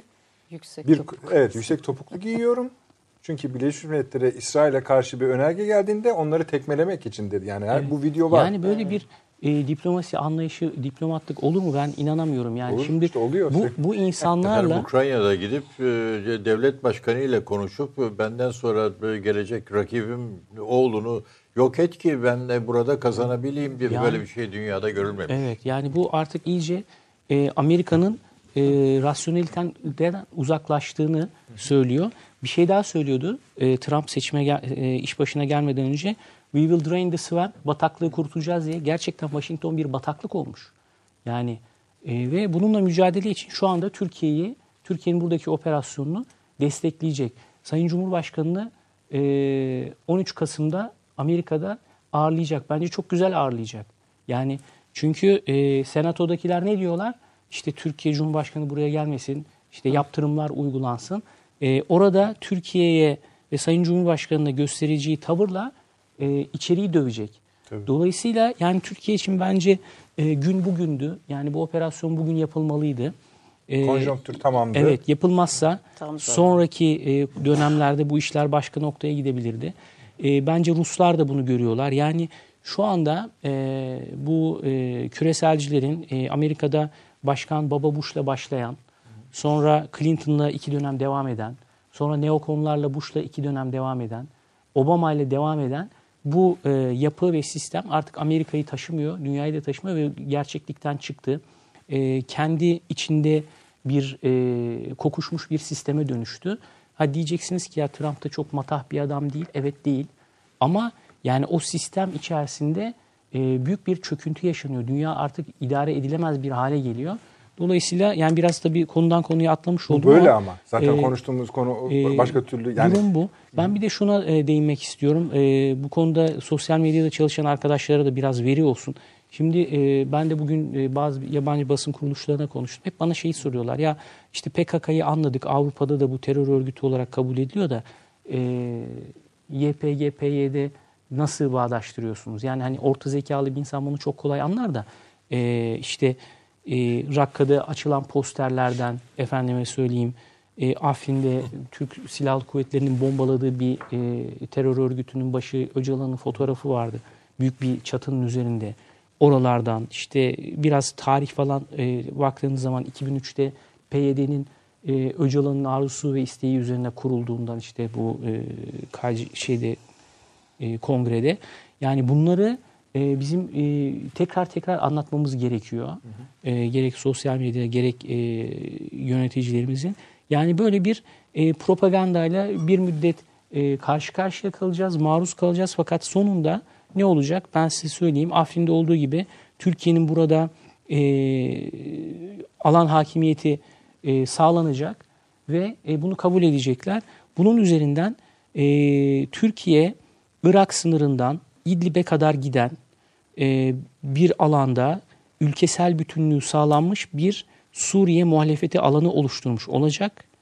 E, bunun üzerinden bu alan hakimiyeti üzerinden Suriye'deki bu anayasa süreci, Astana e, süreçlerinde e, anayasa yazımında bir e, muhalefetin hakim olduğu, etkili olduğu, ciddi bir nüfusun olduğu, politik olarak belki e, konsolide edilmiş bir e, muhalif yapı da oluşacak. Bunun üzerinden belki Rusya ile Esad'la e, masaya oturulduğunda yani bu anayasa süreçlerinde e, daha manalı, daha anlamlı bir e, siyasi süreç de olacaktır diyorum. Yani bunun üzerinden sadece biz terör örgütünü e, buradan uzaklaştırmış olmayacağız. Bunun üzerinden e, Suriye'nin yeniden yapılanması konusunda da bence e, önemli bir e, Bu başarı. isyan politikasıyla. Evet, buraya 2 milyon kişiyi yerleştirecek Türkiye ve orası muhaliflerin ülkesel bütünlüğü sağlanmış yani territorial integrity dedikleri bir alanda bunlar da siyaset yapabilecek belki bir ağırlığı olacak yani.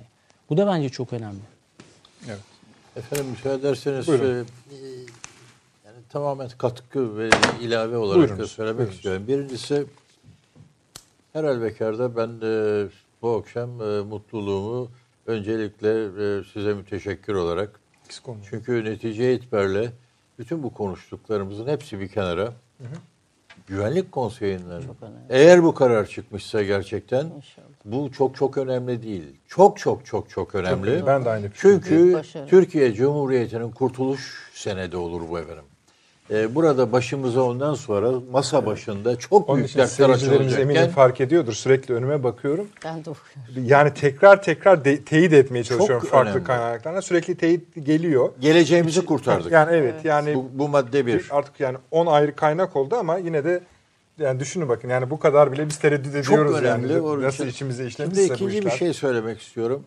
Bu bir bilgi olarak 5 Eylül günü Irak Birleşmiş Milletler'e bir nota verdi efendim. Ve Türkiye'nin e, Kuzey Irak'ta e, şu sırada yapmakta olduklarının aslında e, kabul edilemez olduğunu reddettiğini vesaire bunun durdurulması için talepte bulundu. Türkiye'de 4 Ekim tarihi itibariyle bu dağıtıldıktan sonra bunu cevapladı. Hangi meşru hak çerçevesinde gidildiğini anlattı. Ee, aslında bu olan bitenler e, Kuzey Irak bakımından da e, ilginç bir örnek oluşturacak. Hani Irak'ta da her ne kadar orada rahatlıkla Kandil falan Sincar gidip geliyorsak da Birleşmiş Milletler'e bir notayla bizi şikayet edip gereğinin yapılmasını isteyecek noktada olduklarını belki paylaşmak istedim.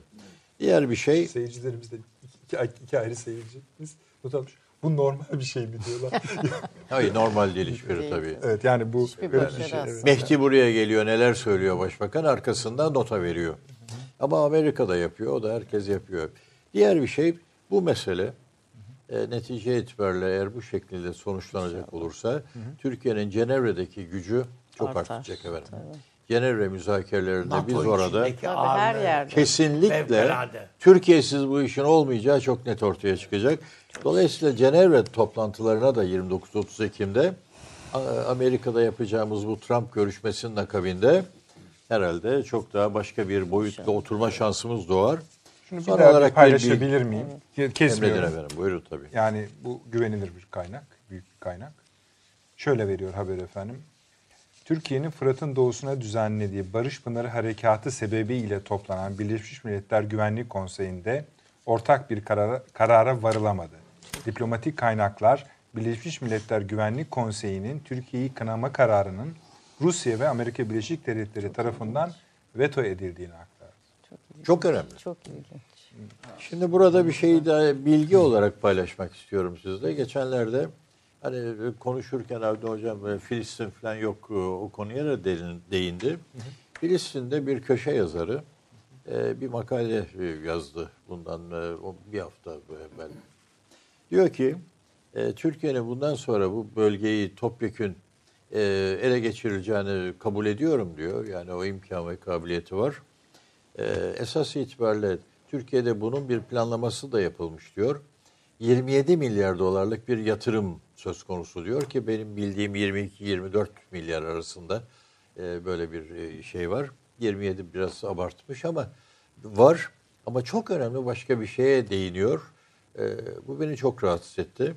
E, nasıl ki geçmişte Kürtleştirme politikası kapsamında Amerika, Afrin, e, Elbap vesaire oralarda Arap nüfusla yer değiştirmesi e, noktasına gitmişse bugün de Türkiye iki belki de 3 milyon diye de telaffuz ettiği Araplaştırma politikasıyla oradaki Kürtlerle kendi arasında bir tampon bölge oluşturma peşine düşmüştür. Bu da fevkalade risklidir Araplar yönünden diye bir iddiası var. Bunu da belki e, hani tartışmaya başladıkları bir husus olarak Evet, yani şöyle bir şey var Sayın Büyükelçim. Akşam mezarlıktan geçerken akıl insanı temin eder ki ölülerden bir zarar gelmez. Ama insanın vehim diye de bir hissi var. O da der ki tüy buradan. Şimdi bu Çok. evham her yerde var. Yani işte Filistinlilerde de var. Şu da var, burada da var falan. Ben bu tabii öncelikle çok sevindik yani bu kararın böyle çıkmış olmasına. çok önemli. Ama ben burada Amerika'da son dönemde başlayan bir iç tartışmanın bu yeni askeri doktrinle. E, ben önemli olduğunu, etkili olduğunu düşünüyorum. Türkiye'yi ne uğruna kaybettik? Yani Türkiye'yi kaybettik. Ne al ne ne uğruna kaybettik? Bu soru öyle ki bir takım Fox News gibi filan kanallardaki sunuculara filan bile sirayet etmiş vaziyette. Yani ne oluyor diye yani. Bu Yani uluslararası Fox'u söylüyorsun. Uluslararası tabii. Yani Fox News onun için. Yani e, bu, bu, bu- bunun hangisinde bizim çıkarımız? Bunlar için mi kaybettik diye. E, tabii yani Trump efendim bunlar Normandiya'da da bize yardım etmediler falan diyor. O, o ayrı mesele. Ama öbür taraftan paniğe bakın ki Macron PYD'nin Fransa temsilcisini çağırıyor, görüşüyor, nasıl yardımcı olabiliriz, ne yapmamızı beklersiniz falan diye. Ama öbür taraftan baktığımızda Sayın Büyükelçim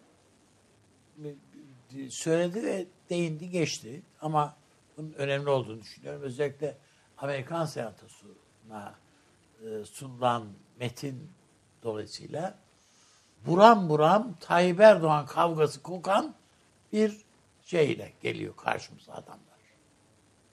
Yani Tayyip Erdoğan olmasa Türkiye ile hiçbir problemleri yok.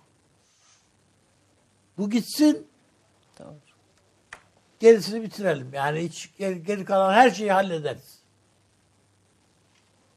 Bu senatörlerde hakim hava veyahut da bunda tabii Fethullahçı yapının e, oradaki faaliyetlerinin çok büyük maddi harcamalarının çünkü bu senatörlerin artık Niagara Vakfı'nın bütün maddi imkanlarının senatörlere tahsis edildiği söyleniyor. Seçim dönemine artık gelindiği için filan diye. Yani o bunun önemli olduğunu düşünüyorum. Bir başka nokta e, şimdi geldiğimiz biz şöyle bir süreçten geldik biliyorsunuz. Türkiye bu Kürt meselesini çözelim dedi. Akil insanlar dendi. Çözüm süreci dendi. Hatırlıyoruz, hepimiz hatırlıyoruz. Cumhurbaşkanımız da o zaman başbakandı. Diyarbakır'da Şivan Perver efendim filan böyle Öcalan o Nevruz bildirisi silahlı mücadele dönem bitmiştir. Evet. Filan.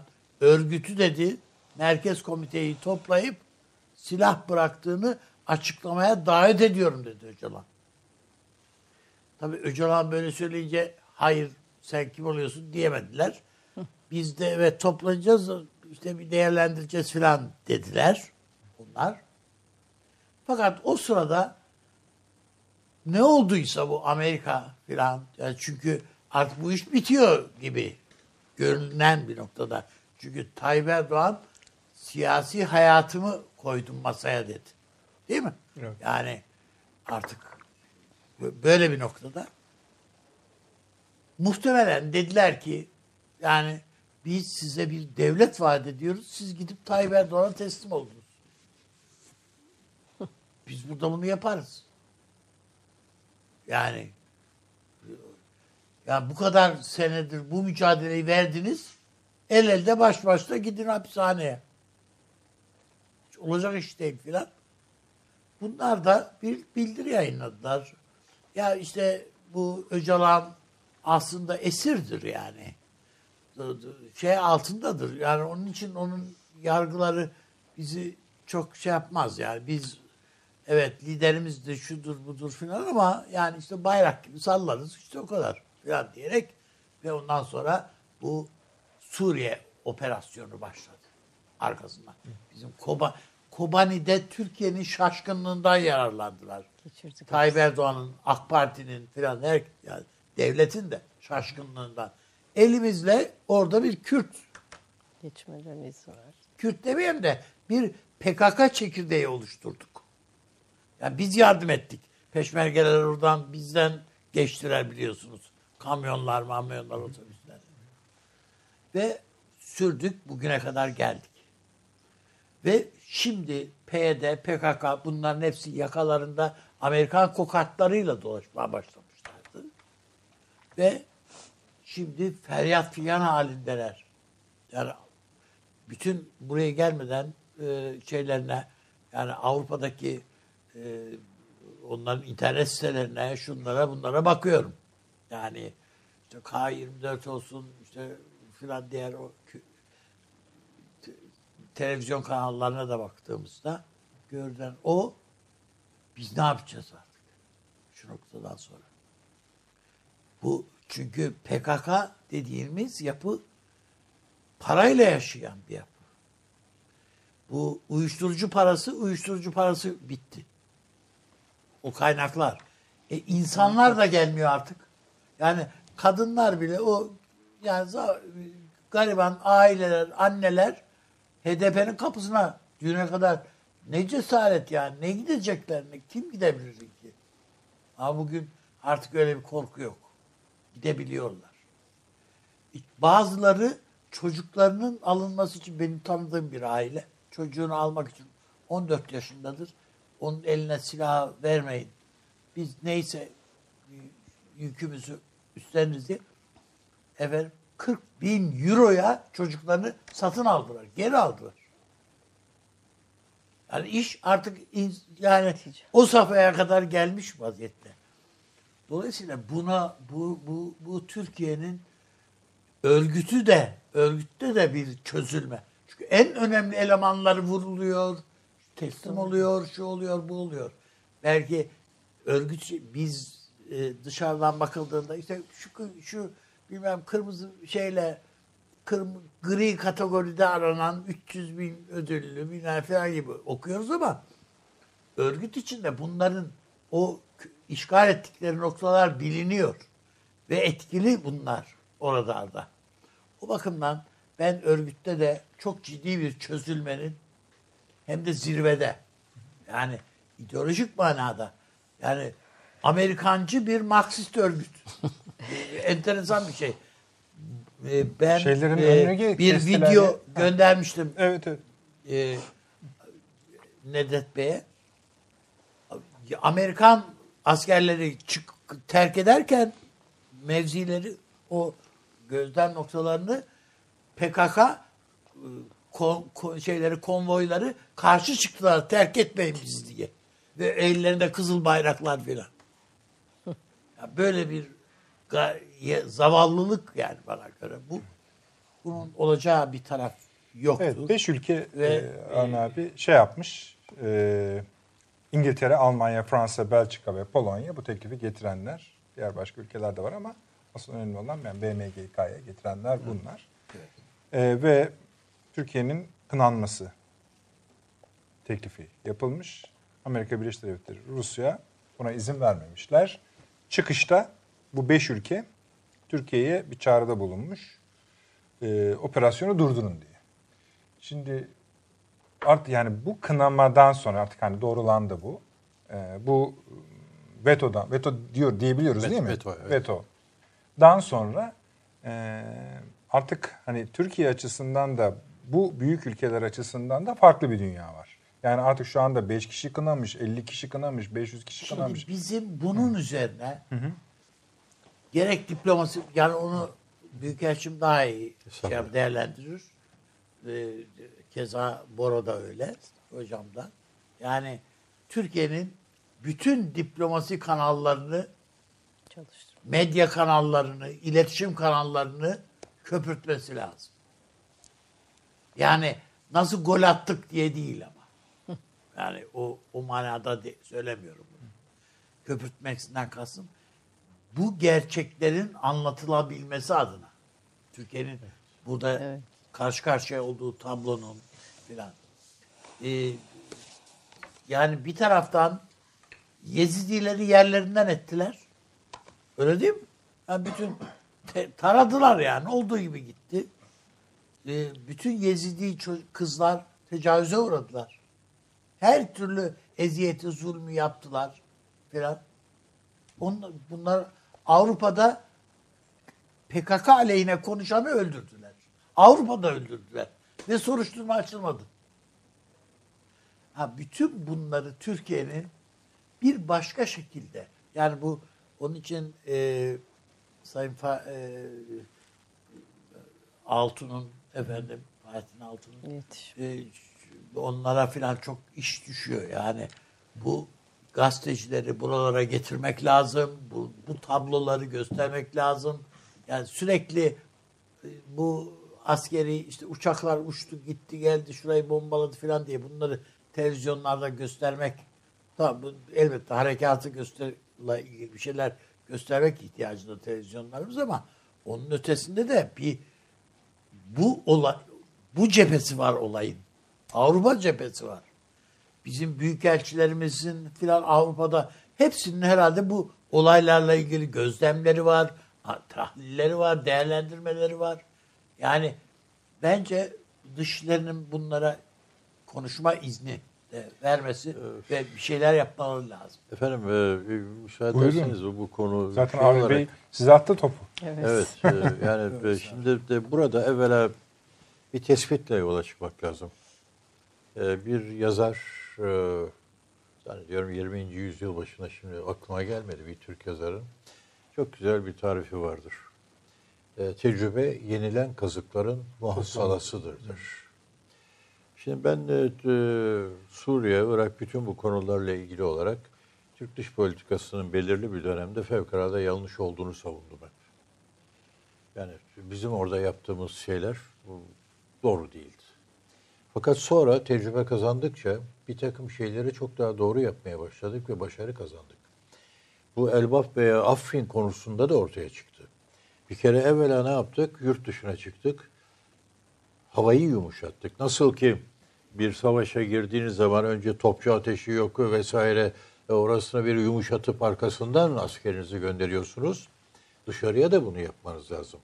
Bu bağlamda baktığınız zaman kamu diploması, diplomasisi denilen olay fevkalade önem taşımaktadır. Kamu diplomasisi aslında bir bütün halinde düşünülmesi lazım. Bunun içine sosyal medyadan tutun, basın, yayın vesaire hepsi birden girer. Ve bu belirli bir e, plan ve program dahilinde yürü- yürütülmesi gereken bir olay, bir süreçtir. Şimdi Türkiye'nin bugüne kadarki en büyük zaafı buydu kendini anlatamıyor. Anlatabilmek için de her şeyden evvel organize olmak ve tek sesle düşünmek mecburiyetindedir. Oturup da herkes başka bir şey işte Amerika'nın bugün yaşadığı durum. Trump bir şey söylüyor, bu asker başka şey, kongre. Ee, burada bir mütecanis e, bir tanıtım programına girmek fevkalade önem taşır.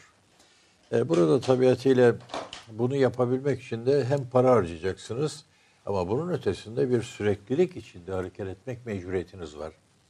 Ben e, Türkiye'de ilk kez e, rahmetli Özal'ın talimatıyla Dışişleri Bakanlığı'nda tanıtma genel müdürlüğünü kuran kişiyim.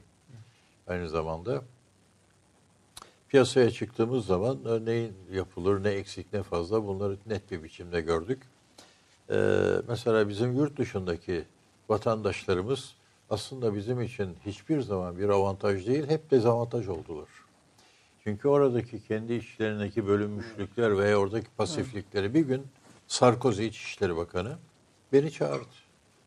Yani bu, bu çok e, anekdot gibi ama çok e, tipik ve önemli bir gelişme. Çağırdı bir gün. Dedi ki Uluş Bey, e, yabancılar yasası üzerine çalışıyorlar o tarihte. Allah rızası için diyor dedi. Senin vatandaşların da biraz sokağa çıkar. Biz Fransa'da biliyorsun meselelerimizi, sorunlarımızı sokakta çözeriz. Benim de Görüyoruz. Benim de kendisine cevabım şu oldu. Allah'tan çıkmıyorlar. Bütün polis teşkilatını koysan Durmaz. durduramazsın. Niye dedi? 17 tane benim orada bildiğim fraksiyon vardı. Bunlardan biri çıkar yapar, öbürü bozmaya çalışır. Yani bir birlik bütünlük içine bir türlü sokamadık. Şimdi dolayısıyla bu tanıtma faaliyeti çok önemlidir. İkinci bir şey söyleyeceğim burada. Çok önemse, önemseyerek söylüyorum bunu da efendim. Hani bizim e, hep tarihten gelen bir söylemimiz vardır. Biz savaşı cephede kazanır, masada kaybederiz deriz. E, aslında e, Fransızların güzel bir sözü var. E, hazır bulunmayan hep kaybedendir der. Mesela şimdi tutturmuşuz NATO'dan çıkarız diye bir belirli bölümlerde. Ben orada veto hakkına sahibim. Beni atmaları söz konusu değil. Graham falan söylüyor ama bakmayın Allah lafı Öyle bir güzel. prosedür yok mu? Yok değil mi? Hayır.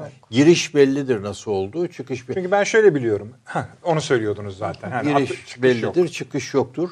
Ee, çünkü orada dayanışma sistemi olarak düşünülür. Aynı şey Avrupa Birliği'nde de vardı. Fakat sonunda açmaza girince birçok şey Lizbon Getirdiler onu. Lizbon Sözleşmesi'yle nasıl çıkılacağını da koydular. İşte İngiltere Brexit bir, bir türlü çıkamıyor. Ama NATO'da bu yok. Şimdi ben NATO'da toplantıya katıldığım zaman veto hakkına sahibim. E, kolay mı bir kişi oturup da orada benim aleyhime bir karar aldırabilirsin? Reddediyorum dedim mi bitmiştir. Bir kişinin vetosu bütün kararı durdurur. Şimdi ben burada içinden mücadeleyi vermek durumundayım. Haklıyım. Haklı olduğum konularda o haklılığımı ispat etmek mükellefiyeti benimdir. Beyine külfet. Ben oturacağım orada. Ben buradan çıkayım. Ha çıkamazsınız. Tam tersi her tarafta hazır bulunmanız ve Türkiye Cumhuriyeti'ni savunmak değil, karşı tarafla ciddi müzakereye girerek Anlatmak. ikna etmek, anlatmak ve doğru yola çekmek e, çabası içinde olmamız lazım. Mesela Yunanlılar bu konuda diasporasıyla her şeyle birlikte çok başarılı. 10 milyonluk Yunanistan, 82 milyonluk Türkiye'den çok daha ileri boyutlarda başarı kazanabiliyor. Bu konuyu, şimdi burada biz girdik. Kesinlikle bu güvenli bölgenin tamamını da alacağız. Ben bundan da eminim. 13 Kasım'dan sonra inşallah buraya kadar da gider. Cenevre'de de etkinliğimizi arttıracağız. Buna da her zaman söylüyorum ve inanarak söylüyorum. Ama bir şey var. Bizim buradaki askeri başarımızı askeri başarıyla tamamlamak gibi bir lüksümüz, savaş lüksümüz yoktur. Barışmak mecburiyetindeyiz ve bütün dünyaya da kendimizi süreli ve sürekli olarak anlatmak mükellefiyeti altındayız. Bunu nasıl yaparız? Şimdi belki tamamen bir diplomat ağzıyla söyleyeceğim bunu ama e, bir anekdot gibi bir şey söyleyeyim, inancımı ortaya koyan. E, 1971'de e, petrol krizi çıktığı zaman İngiltere o zaman Kuzey Denizi'nde petrol falan pek yoktu. E, Suudi Kralı Elizabeth hakkında e, garip laflar etti. Buna karşılık Elizabeth Prens Charles'ı Sormaya gönderdi. müsait laflar mıdır yoksa Yok, başka baya, zaman mı? Bayağı ciddi hakaret etti yani. Aha, tamam, olarak, şey. Ee, Ve e, Prens Charles'ı gönderdi bir müddet sonra. Gazeteciler sordular Elizabeth'e. Ya esas e, hakaret yiyen biziz. Niye gönderiyorsun? Onun da o tarihte petrol falan da yoktu tabii dediğim gibi. Zor da. Aslında bugün e, bu meseleyi büyütmek için e, zamanı değildir. Bir neden yoktur ama zamanı gelince icabına bakılır dedi. Ben size çok basit bir örnekle Türkiye'den söyleyeyim. Ee, biz Hatay'ı fi tarihinde vermediler Fransızlar. Vakti kerahat geldiği zaman Atatürk gitti ve bunu alıverdi. Yani başka bir ifadeyle e, her şeyi e, Zamanı var, bir günde konjonktürü var. yapamazsınız ama düşman edinmek de doğru değil. Daima şu kapının aralık bırakılıp hakaret falan etmeden hiç kimseye çünkü dış politikada duygusallık e, ve diğer ve bazı faktörler e, hatta mezhepsellik bu İran'ın bu Suriye'deki şeyleri falan hep bu yoktur efendim. Eğer çıkarınız bugün bunun böyle olmasını icap ettiriyorsa işte biraz evvel çok haklı olarak dile getirildi. E, Et, etrafa konuştu Cumhurbaşkanımız. Keşke o şekilde konuşmasaydı diye hala inanıyorum. Bir diplomat olarak söylüyorum. Ama Trump için bir söz sarf etmedi. İşte o biraz evvel söylediğimin tatbikatıdır. Ve bu da sizin lehinize sonuç vermiştir. Şeyin e, Bülent Ecevit Kıbrıs Harekatı'nın Barış Harekatı. Barış harekatı yaptı evet. Oradan bilen bu bu Pınarı burada da Pınar Barış oldu. Pınarı. Ne güzel bir Ne tabir kadar ama. güzel bir tabir. Güvenlik Pınarı. Tabii. Bir askerimiz şehit oldu efendim. Ay, Allah rahmet eylesin. Sabır versin. Ee, bakalım neresiymiş. Ee, yani yer verilmiyor ama e, Allah rahmet eylesin. Ee, ailesine de büyük Büyük sabır versin. sabır. Peki efendim bir reklama Ama gidelim. onlar sayesinde ayaktayız. Evet tabii. O tabii. tabii. Hiç diyeceğimiz bir şey yok. Eyvallah sağ olun. Nurşin Hocam burada tekrar size denk gelmiş bulunuyor. Ama bir daha denk geleceğini de söyleyebilirim. Bağışlayınız. Ama dediğim gibi zamanımız var. Bu Birleşmiş Milletler kararı efendim oyundaki taşları hayli değiştirecek gözüküyor. Ve bazı taşları da pekiştirecek gibi gözüküyor. Ee, esasında bu kararın Amerikan iç politikasına etkilisi olacağını da varsayabiliriz. Rusya'nın böyle bir destek attığını da varsayabiliriz. Hatta hatırlayacaksınız Avni Bey son 3-4 programdır Türkiye'nin önünde 6 ay var, 5 ay var, 4 ay var, 3 ay var diye e, bir takvim de koymuş idi. Belki bu takvime de bir yarar olur Avni abi. Dönüşte konuşalım Yok, mı yine biraz? var. Ha, tabii canım Ha, yani Türkiye'nin önünde de o dış politika açısından da e, var. Türkiye'nin önünde iç politika açısından da. Konuşalım abi. Hemen dönüyoruz. Bir dakikalık reklam arası. Şu an bizi nerede dinlediğinizi bilmiyoruz. Bildiğimiz tek şey ya az önce yemek yediniz ya şu an yemekle meşgulsünüz ya da birazdan acıkacaksınız.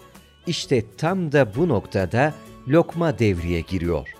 Mutfağa dair her şeyi en özel tariflerle ve kullanıcı dostu platformuyla dijitale taşıyan Lokma, dergi kalitesindeki tüm arşivini mobil uygulamasıyla da sizlerle buluşturuyor. Dijital tarif defteriniz lokma.net'e göz gezdirmeyi, beğendiyseniz uygulamayı indirmeyi, son olarak da Lokmayı ve GZT'yi tüm sosyal medya platformlarından takip etmeyi unutmayın. En lezzetli tariflerde görüşmek üzere. Reklam arası sona erdi. Döndük efendim devam ediyoruz. Avni Bey'le yürüyeceğiz biraz ama çok kısa abi ne olur. O şeyi bir söylersen. Hani bu bunun e, etkisi ne olur bu kararın?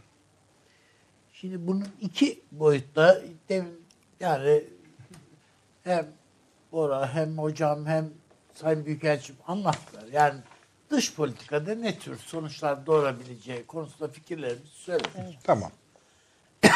Yani 13 Kasım'a endekslenen bir birinci aşama bir takvimimiz var önümüzde.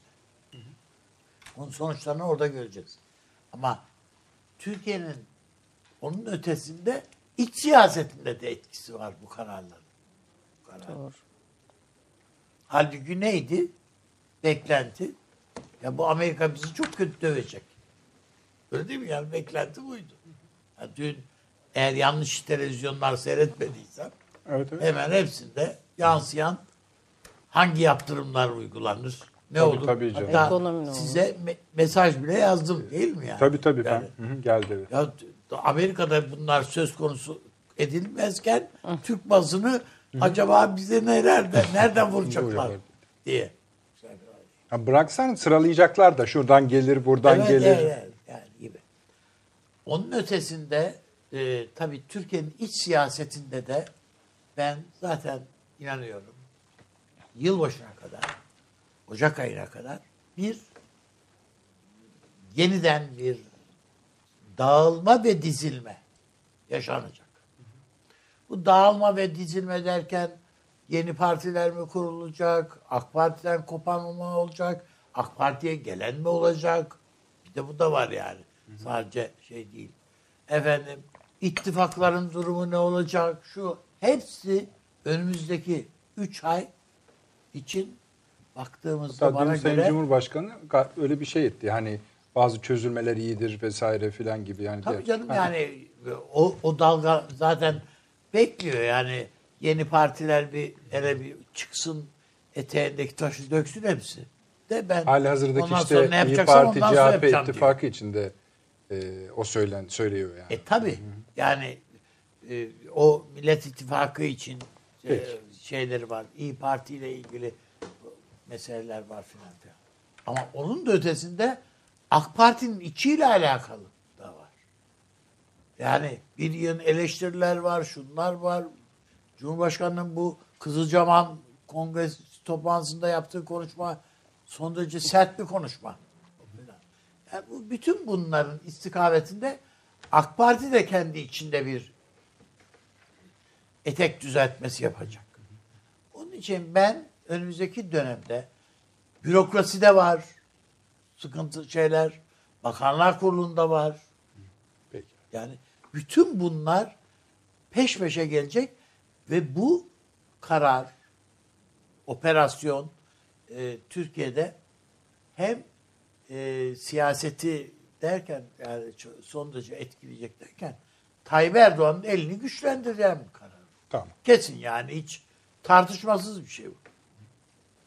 Yani zaten güçlü deniliyordu. Değil mi yani? Da- Daha da güçlü hale geldi. İçeride değil dışarıda da güçlü hale geldi. Esasında tabii şöyle de bir durum var. Hatırlayacaksınız Süleyman Bey bah- bahis etmişti. Hani bütün bu iş nereden besleniyor? Türkiye'nin yani uluslararası ilişkiler açısından nereden besleniyor deyip Trump'ın iktidara ilk geldiği dönemden beri esasında Türkiye ve Rusya ile özel bir ilişki kurma arzusu taşıdığını, bunun doktrinerleriyle de bir kendisine göre bir yol çizdiğini, gel gelelim arada yaşananların ya da bu yola engel koyanların da e, zaman zaman başarılı olduğunu ki biraz önce burada ona Ya değindi. belki hocamlar daha iyi bir şey yapar, değerlendirebilirler ama ben Amerika'da mesela hakim düzen yapının önemli aktörlerinin hala Obama iktidarı. Tabii. Tabii. Obama hala iktidarda gibi yani. Yani o Hillary aslında şey. Yani neyse yani. Obama'nın generalleri, Evet, Obama'nın Generalleri, diplomatları. evet o adam ha- hala iktidarda. Hala temizleye temizleye bitiremedi işte. Yalnız şöyle bir durum var. Bir anekdot anlatmak Tabii, istiyorum. Bundan birkaç ay önce e, görev yaptığım sırada biliyorsunuz. Evet. Bir Alman e, geldi. Adam e, Alman hükümetinin PR işlerini yapıyor. E, Türkiye'de işte ne oluyor ne bitiyor falan filan diye bir sohbet ettik. Adam dedi ki biz dedi e, Türkiye'nin batıdaki şu anki algısından Sayın Cumhurbaşkanı'nın e, böyle çünkü bir e, özellikle Alman basınında bir şeytanlaştırma yaptılar hatırlıyorsunuz özellikle Evet, bir dönemde tabii. Cumhurbaşkanı ile Tabii canım tabanca şeyleri. İşte kar- göya Kapı- Hilal'i dergi işte kafanın e, başının arkasına koyup onu böyle bir şey gibi gösterler falan. Biz dedi bundan artık rahatsızız dedi. Şimdi bu e, Türkiye ile bu kavga durumundan e, ve iş yapılamamasından rahatsızlar ve dedi ki bizde bakıyorum dedi mesela bunun sebebi olan bazı yazarlar, çizerler, basın mensupları e, var. E, bunlar Türkiye'de e, muhalifler, nefret e, söylemleri var. Ve bize de diyorlar ki yani gelin hep beraber nefret edelim. Fakat dedi bunun Almanya'ya bir faydası yok dedi. Ee, biz dedi Almanya olarak bu durumu değiştirmek istiyoruz dedi. Yani bununla ilgili çalışmak istiyoruz. Zaten arkasından bir e, bir otomobil firmasının burada fabrika kurduğu Tabii, ortaya tabii, tabii. yani o anlaşmayı gördük. Aslında o Şimdi- metaforik bağlantılar da çünkü o fabrika mesela ama Evet. otomotiv sanayi en çok Amerika'dan darbe yiyen. Evet. O da önemli. Evet. Şimdi ne oldu? Ee, 2015 ve 2016'da e, Türkiye'de bir terör dalgası, arkasından 15 Temmuz darbe girişimi, e, işte ekonomik e, savaş. Bunun üzerinden Türkiye'de bir rejim ve yönetim değişikliği e, çabası oldu. Fakat Türkiye bu noktaları aşınca ve işte seçimler geçti, şu oldu, bu oldu. Bir yönetim istikrara kavuşunca, askeri gücünü koyduktan sonra, bir istikrar sağlandıktan sonra dediler ki bu iş demek ki böyle olmayacak. Gelelim anlaşalım. Bence bu e, Birleşmiş Milletler'deki karar da bunun gibi. Yani belki de burada Amerika ve Rusya işte İngiltere'yi, Almanya'yı falan oyuna getirdi. Yani kavga eden onlar oldu. E, Türkiye ile anlaşan da Rusya ile Amerika oldu. Çünkü yani burada bir güç varsa bununla anlaşmak benim işime gelir. Öyle. Suçu da atarım öbür tarafa. İşte Amerika, Türkiye ile anlaşırım. Rusya aynı şekilde. Ee, belki de böyle Çok bir doğru. Yani bu Trump'ın iki ay önce Tayyip Erdoğan'ı arayıp bir şey istemesi ve istediğini kabul ettirmesindeki etki, ağırlık ne kadar idi? Bugün ne kadar? Tabii. Ve e, Türkiye'nin e, hani İngilizce'de deliver etme şeyi ne kadar sözünü ne kadar yapabilir? Yani PKK ne kadar yapabilir? YPG ne kadar yapabilir? Türkiye ne kadar yapabilir? Şimdi bunları adamlar maliyet hesabı yapıyorlar. Az önce e, Sayın Büyükelçim duygusal siyaset yapmaktan bahsetti. Bunu diğer taraf için de düşünmek lazım. Yani bana göre bugün Amerika'nın e, bu az önce saydığımız e, Obama'nın generalleri, Obama'nın diplomatları duygusal bir siyaset izliyor. Yani Türkiye Türkiye is not my friend, Türkiye dostumuz değil. Niye? Çünkü burada işte 2003'ten itibaren bu gruplarla çalışmışlar. Onlarla duygusal bağları olmuş. Bunun üzerinden ilerlemeye çalışıyorlar. Ama realite Türkiye burada bölgesel bir güç. Türkiye'yi sen kenara itip orada işte silahı zoru görünce silahı bırakıp kaçan adamla bir mi yani? E şimdi bunları görüyorlar, bunları değerlendirecekler tabii ki. Elbette. Şunu hocam. Evet, e, bu karar çok önemli. E, tabii ki iç politikaya etkisi olacak. Çünkü Sayın Cumhurbaşkanı Avni Bey'in dediği gibi eli daha da güçlendi. Bu bir baş, bu bir gerçeklik. Millet İttifakı'nın içindeki çözülmeler veya da işte e, Cumhur İttifakı'na belki yönelimler, bütün bu e, geçişkenliklere e, gebe bir süreç başındayız diyebilirim. Ama dış politikaya bakınca çok ilginç.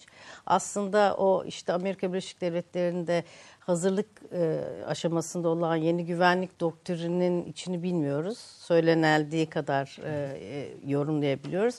Şimdi benim gördüğüm şey e, şu çok ilginç. Düne kadar e, Trump yönetiminin de e, kendisine Obama biliyorsunuz 2003 Irak müdahalesiyle kendi, e, Orta Doğu'da kendisine işbirliği yapabileceği aktör olarak İran'ı seçmişti.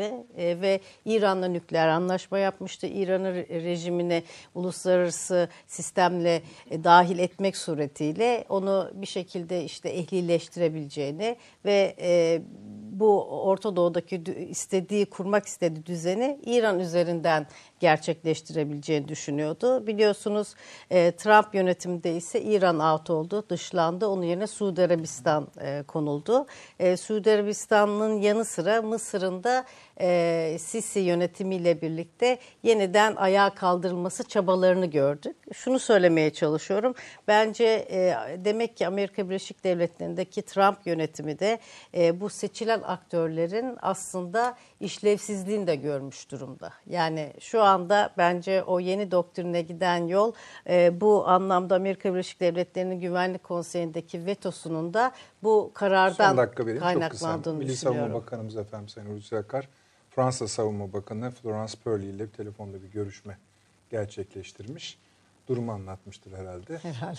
Yani detaylarını alırız. Buyurunuz hocam. Dolayısıyla hani dünün yani bu karar öncesinin e, işte e, o e, küreden kaynaklanan ittifak kuşağının e, bir ucu da Akdeniz'e kadar giden e, hatta Güney Kıbrıs Yunanistan'ı da bunun içine ekleyebiliriz. Onun karşısında oluşan Astana'dan kaynaklanan Çok özür dilerim ama Trump yine bir tweet atmış. Kusura Peki. bakmayın ne olur.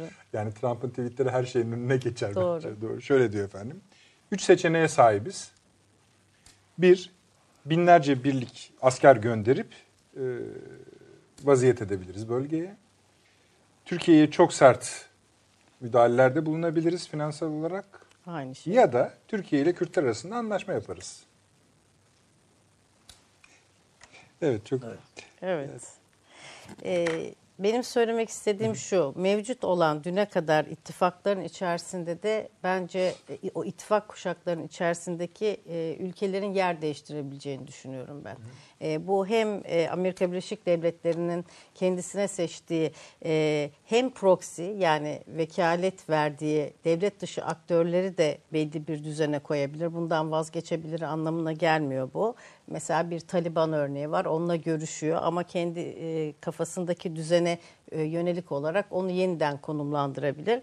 Aynı şekilde e, kendisiyle işbirliği yapabilecek bölgedeki aktör, temel aktörleri de geriye çekebilir. Bunun sinyallerini ben görüyorum.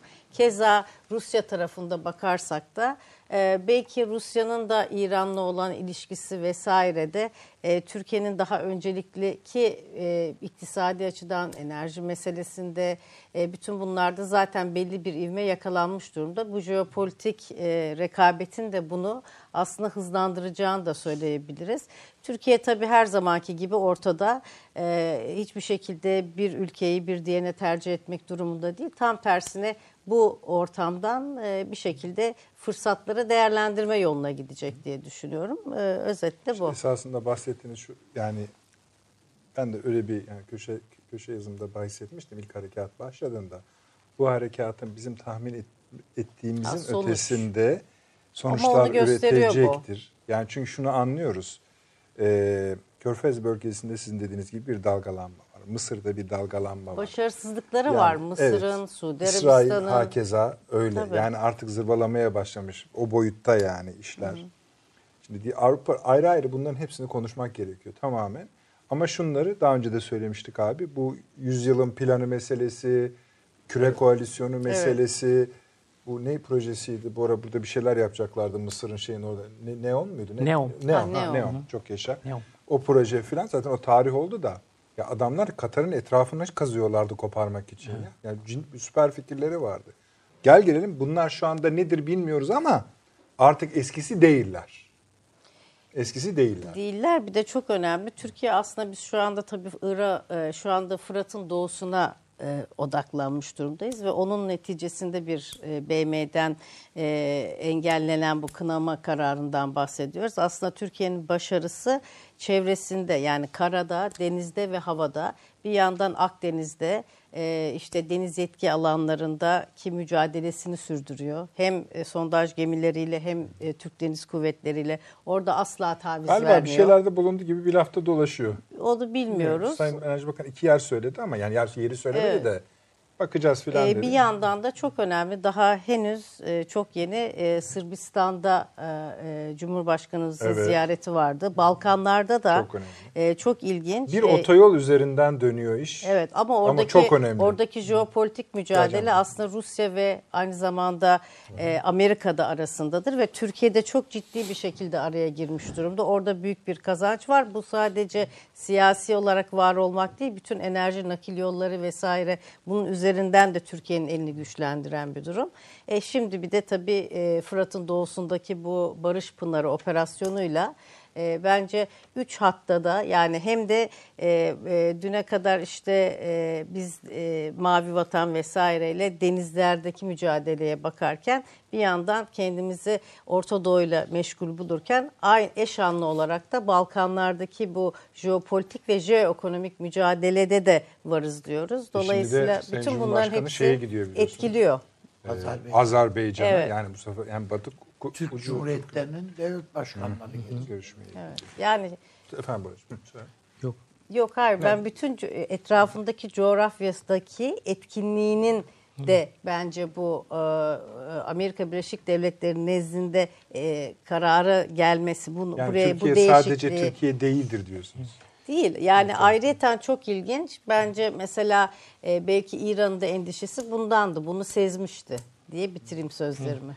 Şeyi devam edeceğiz. söyleyecektim. Şimdi e, Trump'ın tweetine bakıyordum da eşim de beni uyardı gülüyorsun falan diye tutamadım çünkü kendimi. Yok ben de fark ettim ama gülebiliriz efendim. Evet Rahatsız diyor, yani. diyor, diyor ki e, DAEŞ'i e, hilafeti yüzde yüz yok ettik. Bundan sonra orada hiç askerimiz yok. E, şu anda orası Türkiye'nin e, saldırısı altında. İşimizi çok iyi yaptık. Türkiye şu an diyor Kürtlere saldırıyor. 200 yıldır savaşıyorlar diyor. Çok iyi. Ama Engin gülmeye şimdi Ya. ben de kızdım bunu söyleyince haksız.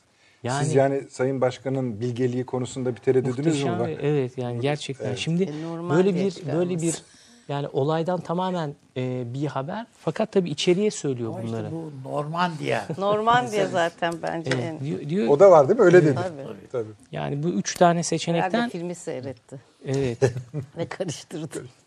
Yani enteresan. E, tabii burada e, şu oldu yani şunu da belirtmek lazım. Bu e, bizim operasyon bir anlamda bölgenin de normalleşmesi operasyonu. Şimdi az önce Sayın Hocam Geçmişe ifade ederken dönüş. evet şimdi İnşallah. 20 Mayıs e, 2017'de e, Sayın Trump e, Riyad'a gitti ve burada e, bu küresel terörle mücadele ortak merkezinin açılışında Sisi ve Evet. e, Selman, Kral Selman da küreyi tuttular, ışıklı küreyi. Şimdi orada e, şunu e, yaptı. İsrail ve Suudi Arabistan üzerinden bir bölge kurgusu. Mısır onun e, destekçisi. E, Körfez İşbirliği Konseyi üyeleri de bu işin içinde yer alacak. Bunun üzerinden Türkiye ve İran'ı e, kuşatacaklar. E, Irak ve Suriye'den toprak alarak Irak ve Suriye bir e, Kürdistan e, kuracaklar ve bunun üzerinden hem Türkiye'yi hem e, İran'ı dolaylı olarak e, Rusya'yı işin dışında bırakacaklar. Böyle bir kurgusu vardı. E, Filistin konusunda da Mahmut Abbas'a e, sopayı ataraktan e, bu işi çözmeyi düşündüler. Yani bunun adına İsrail'in güvenliği diyorlar da Tabii. İsrail'in bir güvenlik sorunu yok. İsrail'in yayılma ve e, bölgeyi Büyüme. parçalama, büyüme sorunu var. Şimdi ne oldu? E, Kaşıkçı meselesiyle Bugün bu İsrail'in, Kaşıkçı dedin unutma orada kaldık.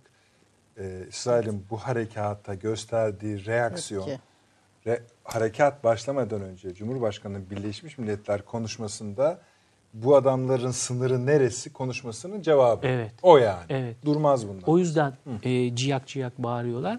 Şimdi e, 27 Eylül 2017'de yanlış hatırlamıyorsam e, bu Irak'taki referandum oldu ve onun arkasından Türkiye çok iyi bir kurguyla İran'la e, bir araya gelerek o işi bitirdi.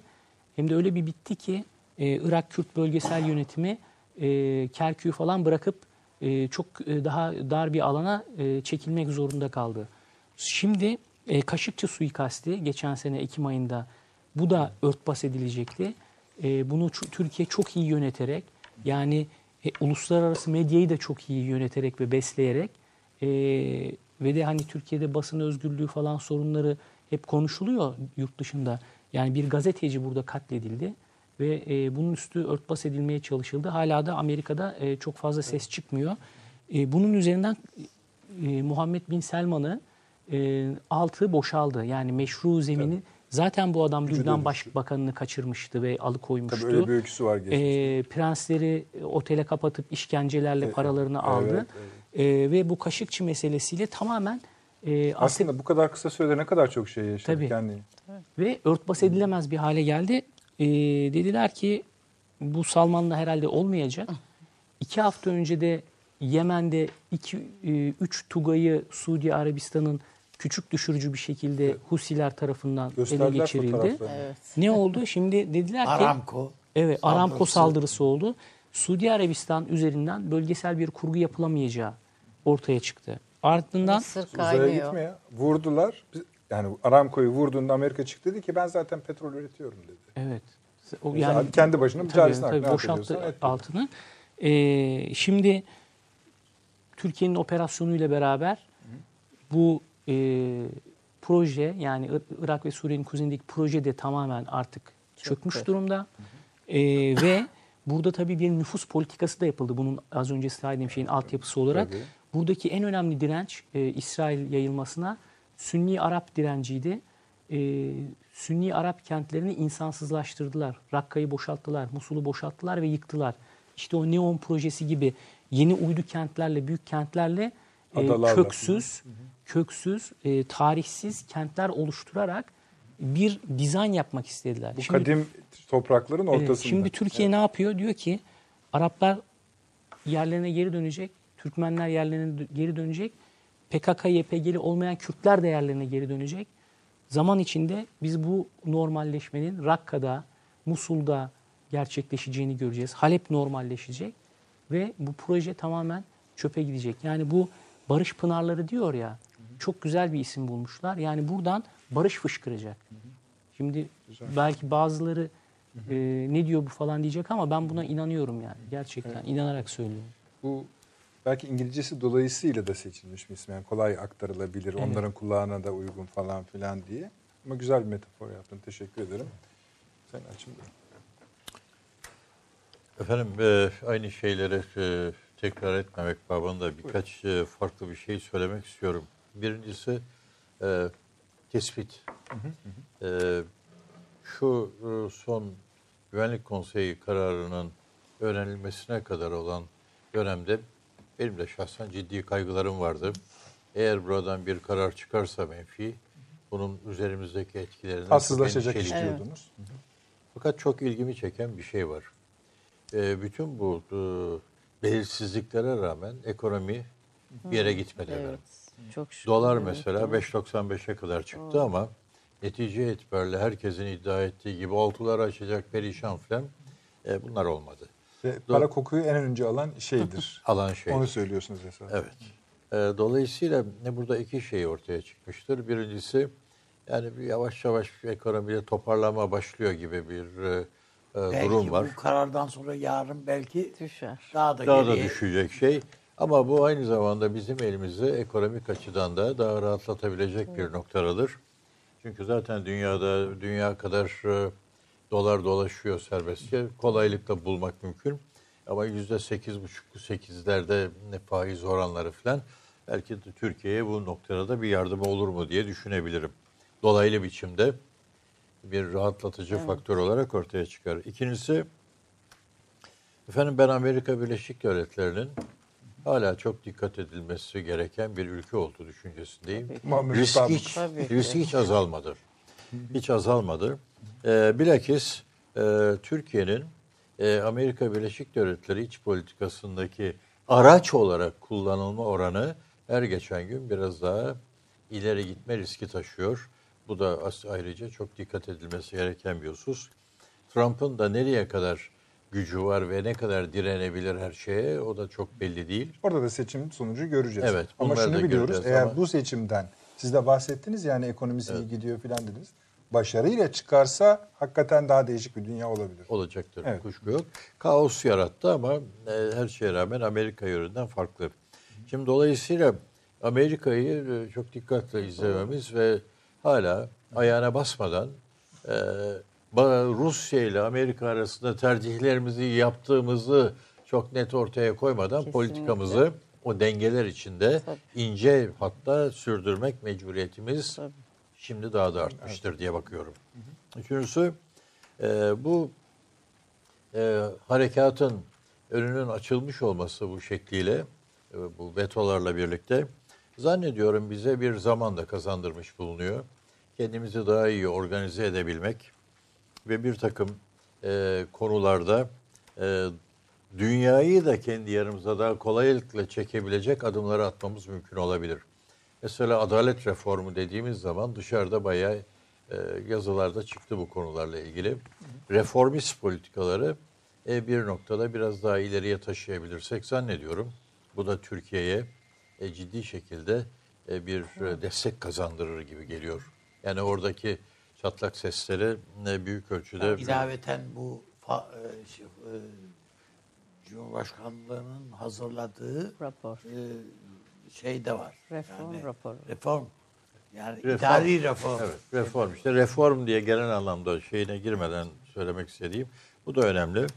Şimdi de burada e, Trump'ın çok e, ilginç bir sözü var. Bunu da anlamak mümkün değil.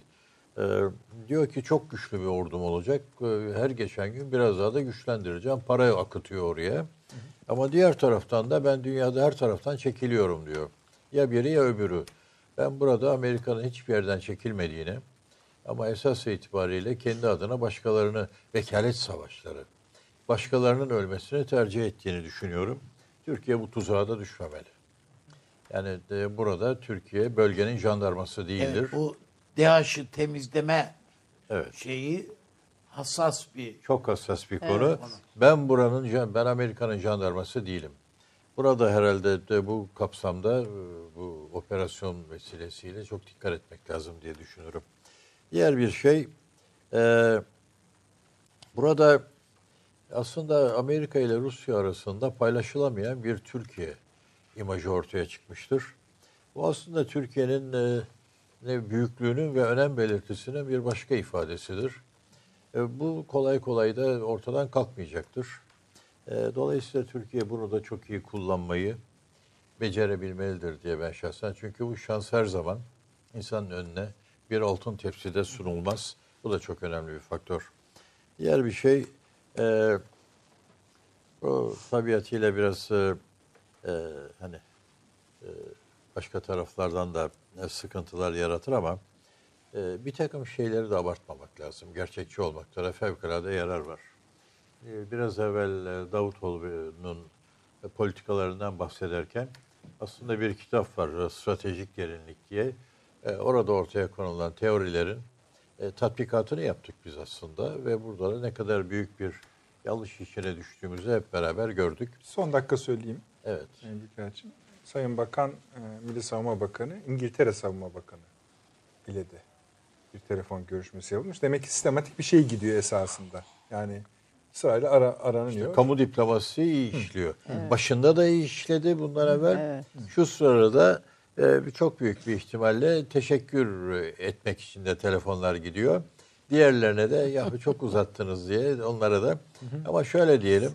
E, Johnson'un zaten 31 Ekim'den sonra ne olacağı belli değilken İngiltere'nin e, Türkiye'nin e, bir noktada desteğine muhtaç olduğu bir noktaya geldiğini de görmemezlik etmeyelim inşallah.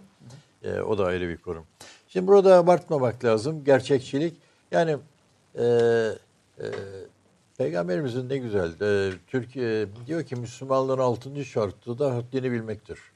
Şimdi bizim burada o gerçekçilik çerçevesinde ne yapıp ne yapamayacağımızı gü- gücümüzün ne ölçüye kadar geçerli olup olmayacağı hususunu da e, abartmadan e, iyi saptamamız lazım.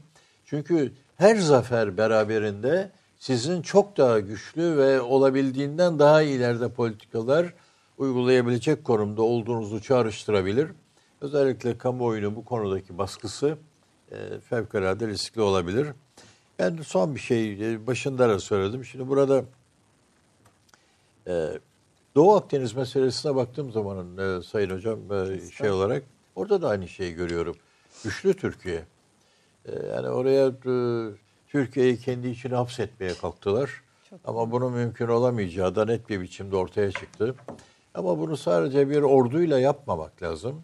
Bunun ötesinde e, daha değişik boyutlarda da yani devamlı kavga ederek değil, e, devamlı düşman e, addederek değil.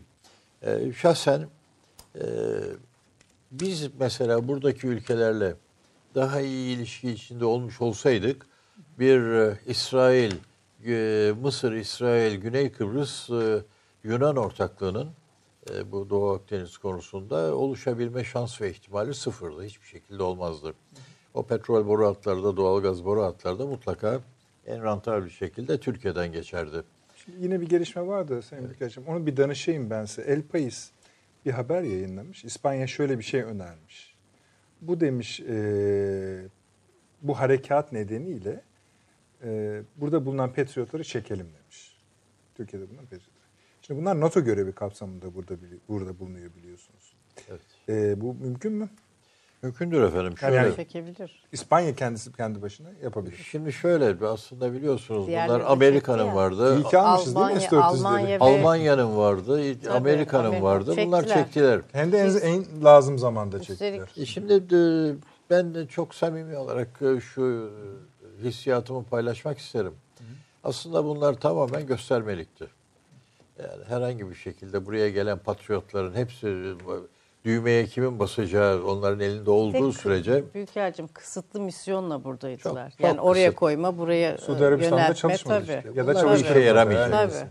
mesela İncirli'ye koydu Amerika kendini Tabii. savunmak için Tabii vesaire. işte onu diyorum. Kısıtlı Ben hedefler. S-400'ler Türkiye'ye gelip de oraya konuşlandığı andan itibaren isteyen istediği kadar patriotunu da götürebilir, başkasını da. Aynen öyle. Şimdi o patriotların bize ilk teklif ettikleri örneği yüzde beş buçuk etkinlikli ama dünyanın parasını istiyorlardı. İkinci en son teklif ettikleri e, patriot yüzde altmış beş buçuk etkinliğe çıkmıştır.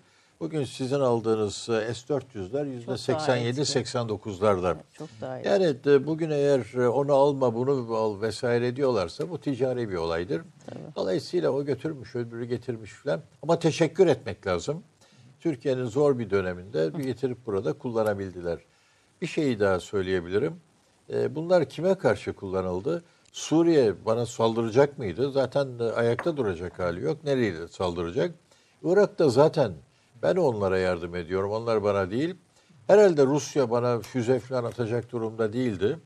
Buraya gelen patriotlar netice itibariyle e, bir noktada psikolojik etkisi olan ama ef- efektif olarak baktığınız zaman çok fazla bir şey ifade etmeyen e, silahlardı. Peki. Türkiye bunun yerine koydu. Son söyleyeceğim şey de şudur. Kısa ne olur? Ne olur? Türkiye Cumhuriyeti komşuları başta olmak üzere barışçı bir politikayla tekrar oradaki üstünlüğünü dostça onları da kazanarak yoluna koysun çok daha güçlü ve bu bölgenin hakimi pozisyonuna geçecek ülkedir Türkiye efendim. İnşallah. İnşallah. Şöyle bir tur yaparak bağlayalım müsaade edersen. Bora senden başlayalım. Şimdi bir kestirmede bulunabiliyoruz. Nasıl bu kestirme? Birincisi bu harekatın diğerlerine kıyasla askeri yönünün daha yani bu temenni aslında. Yani daha kısadır inşallah bitirilir. Ama inşallah bitirilden kastımız oradan çıkalım manasına değil. Bu benim kendi görüşlerim. Yani Yok ama kendi görüşünüz olmasın. Biz orada kalıcı olduk. ha tamam. Amerika'nın evet. Ha, katılmayan olur bölgede otur diye dedi. öyle dedi. Ha, tamam süper. Ee, 13'ünde şey var. Ha bu arada bu dörtlü zirvenin yattığını söyleyebilir miyiz Fransa'nın tutumu nedeniyle? Hocam Nurşin hocam biliyorsunuz böyle bir şey bekliyor. O. Belli olmaz. Belli olmaz. Doğru. Dediği doğru. doğru. Bir de burada hani Konjektür sarılarak falan sürekli- şey verebilirler. Onlarda verebilirler. hissiyat, duygusallık yoktur. Tabii. Dışında kaldığı zaman daha çok endişeye Üzülüyor düşeceği için Gelir diyorsun. mutlaka gelip ne konuşuyorlar diye bakacaktır. Almanya'nın mülteci meselesindeki hassasiyeti var. Tabii. Dolayısıyla hepsini Doğru. ayrı Almanya zaten var. biraz renk belli etti. Tabii başta. Yani ben- etti rengi. Şu aslında böyle bir soru. Bir, ha madem 13 bir tarih önümüzde. E, harekatın 13'üne kadar konuştuk işte biraz daha evrileceğini anlıyoruz. Kestirebildiğimiz yer neresi? Bu iş nereye varır? Yani Bir Suriye üzerinde soruyorum. İki, artık üçlü bir ayak mı var? Türkiye, Amerika, Rusya. Onun üzerinde soruyorum. Astana, Soçi, Cenevre sürecinde soruyorum. Ben şöyle düşünüyorum yani bu operasyon e, Astana sürecini de Soçi sürecini de e, Cenevre sürecini de Besliyor. hepsini besleyecek. Çünkü hani e, Astana Soçi dediğimiz daha çok Rusya, e, Türkiye ve İran kanadını oluşturuyor. Az önce de dediğim gibi eğer Türkiye burada e, istediğini yaparsa Irak sınırından ta İdlib'e kadar hatta bunu İdlib'i de katarsak bir e, ülkesel bütünlük bir Suriye muhalefeti oluşacak. Ve bu ne demek? Burada bir e, o e, anayasa komisyonunu yazacak kişiler masaya oturduğunda şimdi Suriye muhalefetini biz biraz Türkiye biraz zorlama destekliyor. Biraz dağınık ve e, parçalanmış bir yapıda ama şimdi burada siz arkasına 14 milyon 5 milyon adamı koyduğunuz zaman ve onunla e, işte bir Suriye Milli Ordusu dedik. Böyle bir yapı. E, ondan sonra bir e, örgütlenme yaptığınız zaman burada tabii e, daha çok dikkate alınması gereken bir e, siyasi ağırlıktan söz edeceğiz. Bu da e, Esad'a karşı e, ve Rusya ile İran'ın e, Türkiye'ye belki zorladığı ve dayattığı şeye karşı bir direnç oluşturabilecek. Bence bu çok önemli. E, bu da e, biraz daha bizim istediğimiz gibi şekillenmesine yol açabilir Suriye'nin. E, Amerika'nın kontrol ettiği alan biraz daha daralmış olacak. E, orada Ama sadece sanki şikayeti de yok gibi. evet zaten adam çıkmayı düşünüyor oradan burada duracağım da ne olacak e, diye bir durumu var. Ha, hiç ama burayı da girmemeliydik diyor. Ama burayı da komple Rusya'ya e, bırakır, bırakır mı? Bırakabilir. Çünkü sonuçta Suriye Soğuk Savaş döneminde bir e, Sovyet e, uydusu ya da Şu da Sovyetlerin ilgimi içerisinde. Hep şöyle mesela Ruslara sorduğumuzda şöyle hmm, şey Amerikalılara sorduğumuzda şöyle diyorlardı. Yani kesin şununla bağınızı diyoruz. Kesemeyiz diyor. Ruslara kalır miras. diyor. Şimdi en yak o yani e, ha, kesmiş gözüküyor yani. Fakat Rusya ve Şam'dan da ses yok bu konuda. Hani e, biz ya yanaşırız, yanaşmayız ve hani bir davet falan. Eskiden hemen bunlar gelirdi. Onlar da pek duyuldu. Evet, ortada da bir belirsizlik var ama yani ben şimdi e, Washington'da bir karar verici olsam masaya bakarım. Şimdi Doğu Akdeniz ise eğer Türkiye'yi biraz daha yanımda görürsem e, Mısır zaten bana yakın, İsrail burada. İşte e, az önce saydık bir sürü körfez ülkesi falan. Yani orada Suriye'yi dengelemek e, tabii sorun yaşayacağını ben düşünmüyorum. Amerikan yönü ya illa Suriye'de olması gerekiyor mu acaba? Eğer bu proje öldüyse e, ve mesele hani İran'ı kuşatmaksa zaten e, Irak üzerinde de e, bir yatırımı var. Yani burası çok da Amerika için hayati olmayabilir. Dolayısıyla yani burada tabii komple hiçbir şey bu almadan bırakmaz. Bunu böyle sorgulamadan kabulleri de bir laf yani. Burası yani ne var burada? Evet yani burada tabii pazarlık İsrail. ederek yani ağırlığını koruyarak çıkabilir ya da e, ona göre bir e, kurgu yapabilir. E, dolayısıyla ben e, Türkiye açısından işlerin daha iyi olacağını düşünüyorum. E, ama tabii göreceğiz. Cenevre'yi de şöyle destekleyecektir. Cenevre'de Batı'nın e, kurguladığı bir Suriye e, çözüm e, meselesi. Buradaki Suriye muhalefetinin üzerinden yine Türkiye e, yürüyebilir diye düşünüyorum. Peki. Şimdi e, bir son dakika daha efendim ABD Savunma Bakanı ile görüştü Sayın Hulusi Akar. Devam ediyor e, bu. Şimdi hemen geleceğim Nurşin Hocam ama bir izleyicimiz şöyle bir mesaj, soru attı. E, Amerika Birleşik Devletleri ile Rusya'nın ortak veto ettiği kaçıncı? Çok nadir. Siz bir şey biliyor musunuz? Ee, Soğuk çok soğuk çok savaş basitçe çok soğuk nadir. savaş döneminde Tabii. hiç böyle, bir şey yaşamadık. Tabii. Ben de bir, yani e, sizin sözünüzden fazla çalmak için çok e, kıymetli bir hocamıza bizi izliyordu. Böyle bir şeye ulaşmak mümkün mü diye. O da herhalde yakın bir yerde bu veto listesi varmış. Sıfır dedi. Bu çok ilginç bir durum. Birbirlerini hep vetoladılar Soğuk Savaş boyunca. Bu, durdurmak baya, bu, için. bu yani hatta Kore ve hatta altına da farklı bir şey mi var? Başka bir şey. Bu da Ha, el- ha, evet evet. Ha, ha. Yani El Payı şey diyor. Eğer durum kötüleş, kötüleşirse İspanya Evet, e, evet. bataryaları çekecek. Çek. Tamam, durum kötüleşti ama haberleri olsun. yani ve sonuna da espri olsun diye It's a New World yazmış. Ee, teşekkür ediyoruz. Şimdi bu hakikaten tarihe geçmiş gibi bir şey oldu. Yani istatistik olarak da değişmiş Tür- o. Türkiye'nin önemini gösteriyor. Gösteriyor. Yani bu hakikaten ilginçmiş. Ama yani Kayda Rusya'da yani. Putin'in e, Rusya'yı e, fakir bir ülke aslında Rusya. 1 trilyon 300 milyarlık bir piyasa. Ama bunun dışında o fakir ülkenin e, çok daha e, ona oranlı olarak bakıldığında Etkisi, etkinliğinin etkisi. büyük olduğunu net bir biçimde görebiliyoruz. Çok akıllı politikalar gidiyor. Hocam. Evet. E, Şimdi ben e, bu Bora'nın Cenevre'ye giden e, yolda e, hızlanacağını ve Türkiye'nin elinin e, kuvvetleneceği meselesine ben de inanıyorum.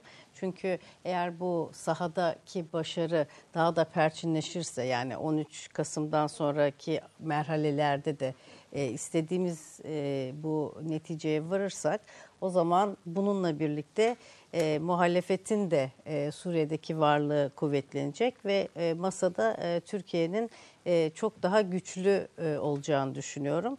Demin siz e, bir soru sordunuz Bora'ya. E, bu e, acaba e, Suriye'yi gözden çıkarır mı Amerika Birleşik Devletleri? Yani oradan çek, komple çekilmesi anlamında.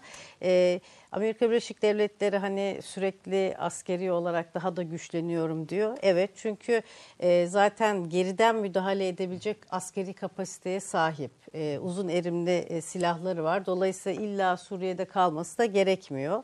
E, bu e, ilginç bir nokta. E, ilginç bir başka konuda aslında e, Büyükelçimin söylediği gibi Rusya Federasyonu e, bu Obama yönetiminin e, bir şekilde hatalı politikalarından faydalanmak suretiyle sınırlı askeri imkanlarıyla aslında Akdeniz'e gelip yerleşmeyi başardı. Yani işte Tarsus ve Laskia'daki askeri tahkimatını arttırması, bu e, bubble'lar dediğimiz yani e, erişimin e, giriş e, size rakip olan e, kuvvetlerin erişimini kısıtlamak babında baya bir e, kazancı oldu. Bu da neyi getirdi? Amerika Birleşik Devletleri'nin e, var olan 6. filosuna ek Akdeniz'deki kuvvet yapısını arttırmaya getirdi. Ve o bağlamda da NATO'da da NATO'nun güney kanadında e, bir takım e, endişeler ve düşünceler ortaya çıktı. Şimdi bugünün e, ortada bugün bu kararla birlikte ben şunu da okuyorum. Aslında eğer Amerika Birleşik Devletleri bu hesaplamalarında Orta Doğu'da ve Doğu Akdeniz'deki denklemde seçmiş olduğu ülkelerin zafiyetini gördükten sonra yeniden Türkiye'yi NATO'nun içerisinde ve Güney Kanat'ta çok daha güçlü ve yanında bul- e, koyabilirse o zaman işte isterse e, Suriye'deki askeri varlığıyla Rusya orada durmaya devam etsin. O onu çok da etkilemeyecektir. Es- geçmişteki askeri dengelere bir geri dönüş olacaktır. Zaten her zaman Akdeniz'deki e, NATO'nun e, askeri varlığı e, Rusya'nın e, Suriye üzerindeki hakimiyetini dengeleyebilecek ve onundan kat ve kat e, güçlü bir varlıktı. Dolayısıyla o yönde bir e, katkı da sunabilir ve bu bu bağlamda gözden de çıkarma e, imkanı olabilir. Artı sahip olduğu uzun erimli askeri e, imkanlar e, sayesinde. Dolayısıyla bu da bir e, seçenek olma ihtimali yüksek diye düşünüyorum bugünün denkleminde bakarsak olaya. Efendim ben Yani aslında Aslında öngörü istiyorum. Yani hani Öngörü. Çok basitçe benim düşüncem. E, 21. yüzyıl e, bundan evvelki çağlara benzemiyor ve e, 20. yüzyıl kurumları ve düşünceleriyle de 21. yüzyılı yönetmek mümkün değildir. Dolayısıyla bu yeni dengeler içinde herkesin kendi yerini alması ve bu çerçeve içinde de gücü oranında tabiatıyla e, sözünü dinletebilmesi çok önem taşıyor. Şu operasyon benim indimde Türkiye'nin e, istediğini yapıp belirli bir güvenceyi kendi yönünden sağlayabilmesinin yolunu açan önemli bir adımdır. Bunun ötesinde e, Orta Doğu politikasının yeniden oluşması söz konusu. Sykes-Picot bitmiştir. Onun yerine sınırların yeniden çizileceği, yeni düzenlerin ortaya konulabileceği bir sistem üzerinde burada bir mücadeleye girilmiştir. Bütün bunlar da o bilek güreşinin ifadesidir. Türkiye burada kazandı. Dolayısıyla iki şeyi birbirinden ayırarak bakıyorum. Ee, Türkiye'nin buradaki güvenli bölgeyle birlikte daha çok uzun süre çünkü Cenevre falan onlar ne zaman bitecek ne olacak? Ee, e, Elbap, Afrin, burası İdlib'teki mevcudiyeti vesaire bir bütün haline bakıldığında Türkiye kendi yönünden olması gerekeni yapmıştır. Bir kere bunu ayırarak bakmak lazım. Onun dışındaki bütün konularda uluslararası planda yine bugüne kadar devam ettiği şekliyle bir mücadelenin parçası olarak süre gidecek. Bu süre gidiş içinde de Türkiye'nin şimdi e, eline daha rahat edebileceği ve politikalarında o bağlamda e, daha güzel ayarlayabileceği bir fırsat geçirmiş oluyor. Bu esas itibariyle kazanan budur. Ama ne dünyanın gidişatının farklı olacağını beklemek lazım böyle bir operasyon sonucunda ne de herhangi bir şekilde Türkiye üzerinde bir takım ülkelerin emelleri konusunda çok farklılaşma olabileceğini düşünmek lazım. Türkiye konusundaki emellerde bir farklılaşma olacağını Hiç- ben de zannetmiyorum. Burada Ama da oturdu- değişen dünyanın üzerine oturan bir ray var burada. Bana öyle geliyor. Şimdi şimdi problemin temeli şu. Ee, ben burada evvela kendi işimi çözdüm. Evet. Bu işi çözdükten sonra geri kalan kısmı çok uzun vadeli e, ne olup ne biteceğine bakacağım bir şey. Burada Türkiye'nin en büyük sorunu benim görebildiğim kadarıyla Rusya ile Batı arasındaki tercih konusunda e, bir noktada e, sıkışmak zorunda kalabilmesidir. Orada bir tercih yapmayacak büyük Tabii bir ihtimalle ama o tercihi yapmadan bu dengeyi nasıl götürebileceği esas benim için en önemli soru Bugüne konusu kadar budur. Büyükelçim e, yaptığı şekilde devam edecek. Yani Rusya'ya karşı da elimizde son kozlar var. Amerika Birleşik bütün Yani Devletleri'ne Devletler- karşı- aşoval iki taraflı Aynen oynayacak. öyle. Evet. Tabii, tabii. Savunma Bakanlığı'ndan bir açıklama var efendim. Barış Pınarı ha- Harekatı'nda etkisiz hale getirilen PKK, PYD, YPG'li terörist sayısı 219'a ulaşmıştır diyor. Tamam mı Sayın Büyükelçi? Yani Son bir cümlem e, olarak e, müsaade ederseniz söyleyeyim.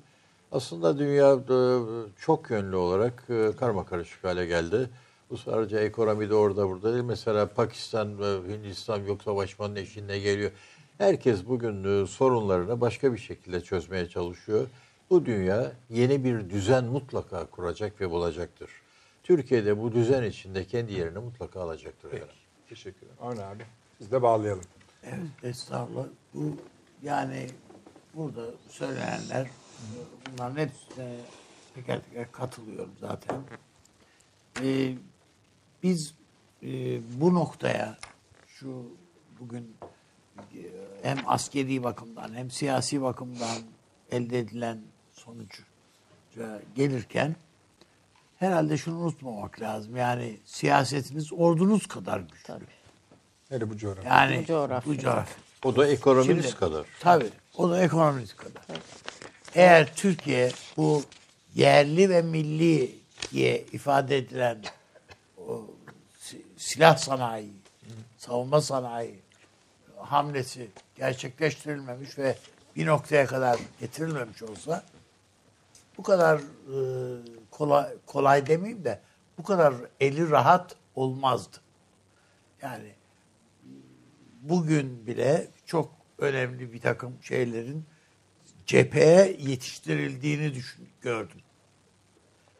Şeyler. Şimdi birincisi bu. Yani Türkiye açısından önemli bir değişimin tetikleyicisi oluyor bu tablo. Dış politika açısından öyle, iç politika açısından öyle falan pek çok şey var. Ama bir de Orta Doğu'daki Arap ülkeleri açısından baktığımızda bunlar şu ana kadar o küre koalisyonu bilmem ne şu bu filan filan yani yani Amerika dostumuz feda olsun hostumuz gibi bir hava içinde olan adamlar bundan sonra ne kadar güvenebilirler Amerika'ya? ne kadar bu Türk düşmanlığı, Türkiye düşmanlığı Suudi Arabistan için bir siyaset olarak sürdürülebilir? Aynı şey diğerler için de geçerli. Yani ben bütün bu Arap, Müslüman ülkelerin oturup bu işi tekrar ya oturup derken kendi çıkarları, varlıklarını devamlı işte Birleşik Arap Emirlikleri falan hepsi için. Yani de bunların devamı var yani. Ne olacak bunların geleceği? Bu herhalde bu bu endişeyi, bu kaygıyı bu adamlar hepsi duyuyorlardır diye düşünüyorum. En azından şu olaylar sonrasında oturup düşünmeliler.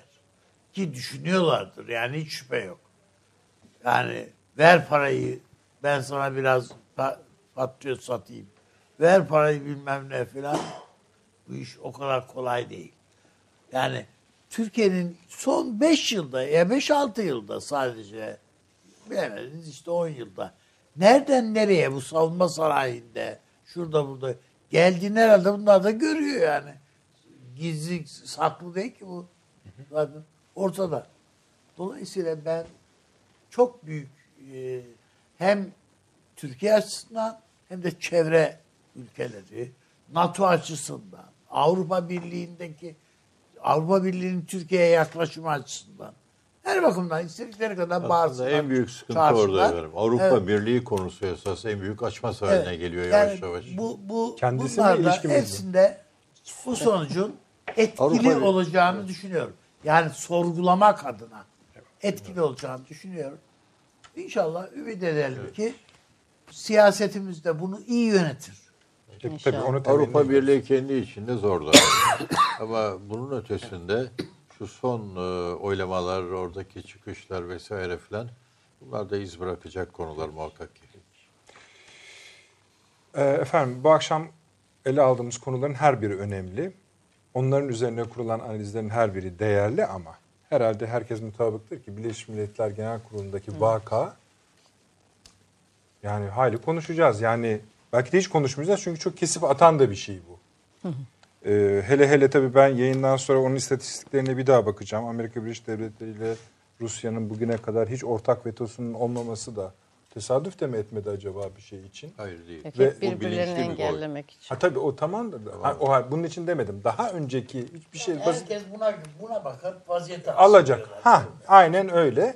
Yani Türkiye konusunda dünyanın en büyük iki süper gücü veto ettiler. Herkes ona göre şöyle mi diyelim Boracığım? Ayağını denk. Dağılabilirsiniz. Öyle söyleyelim. İyi geceler efendim.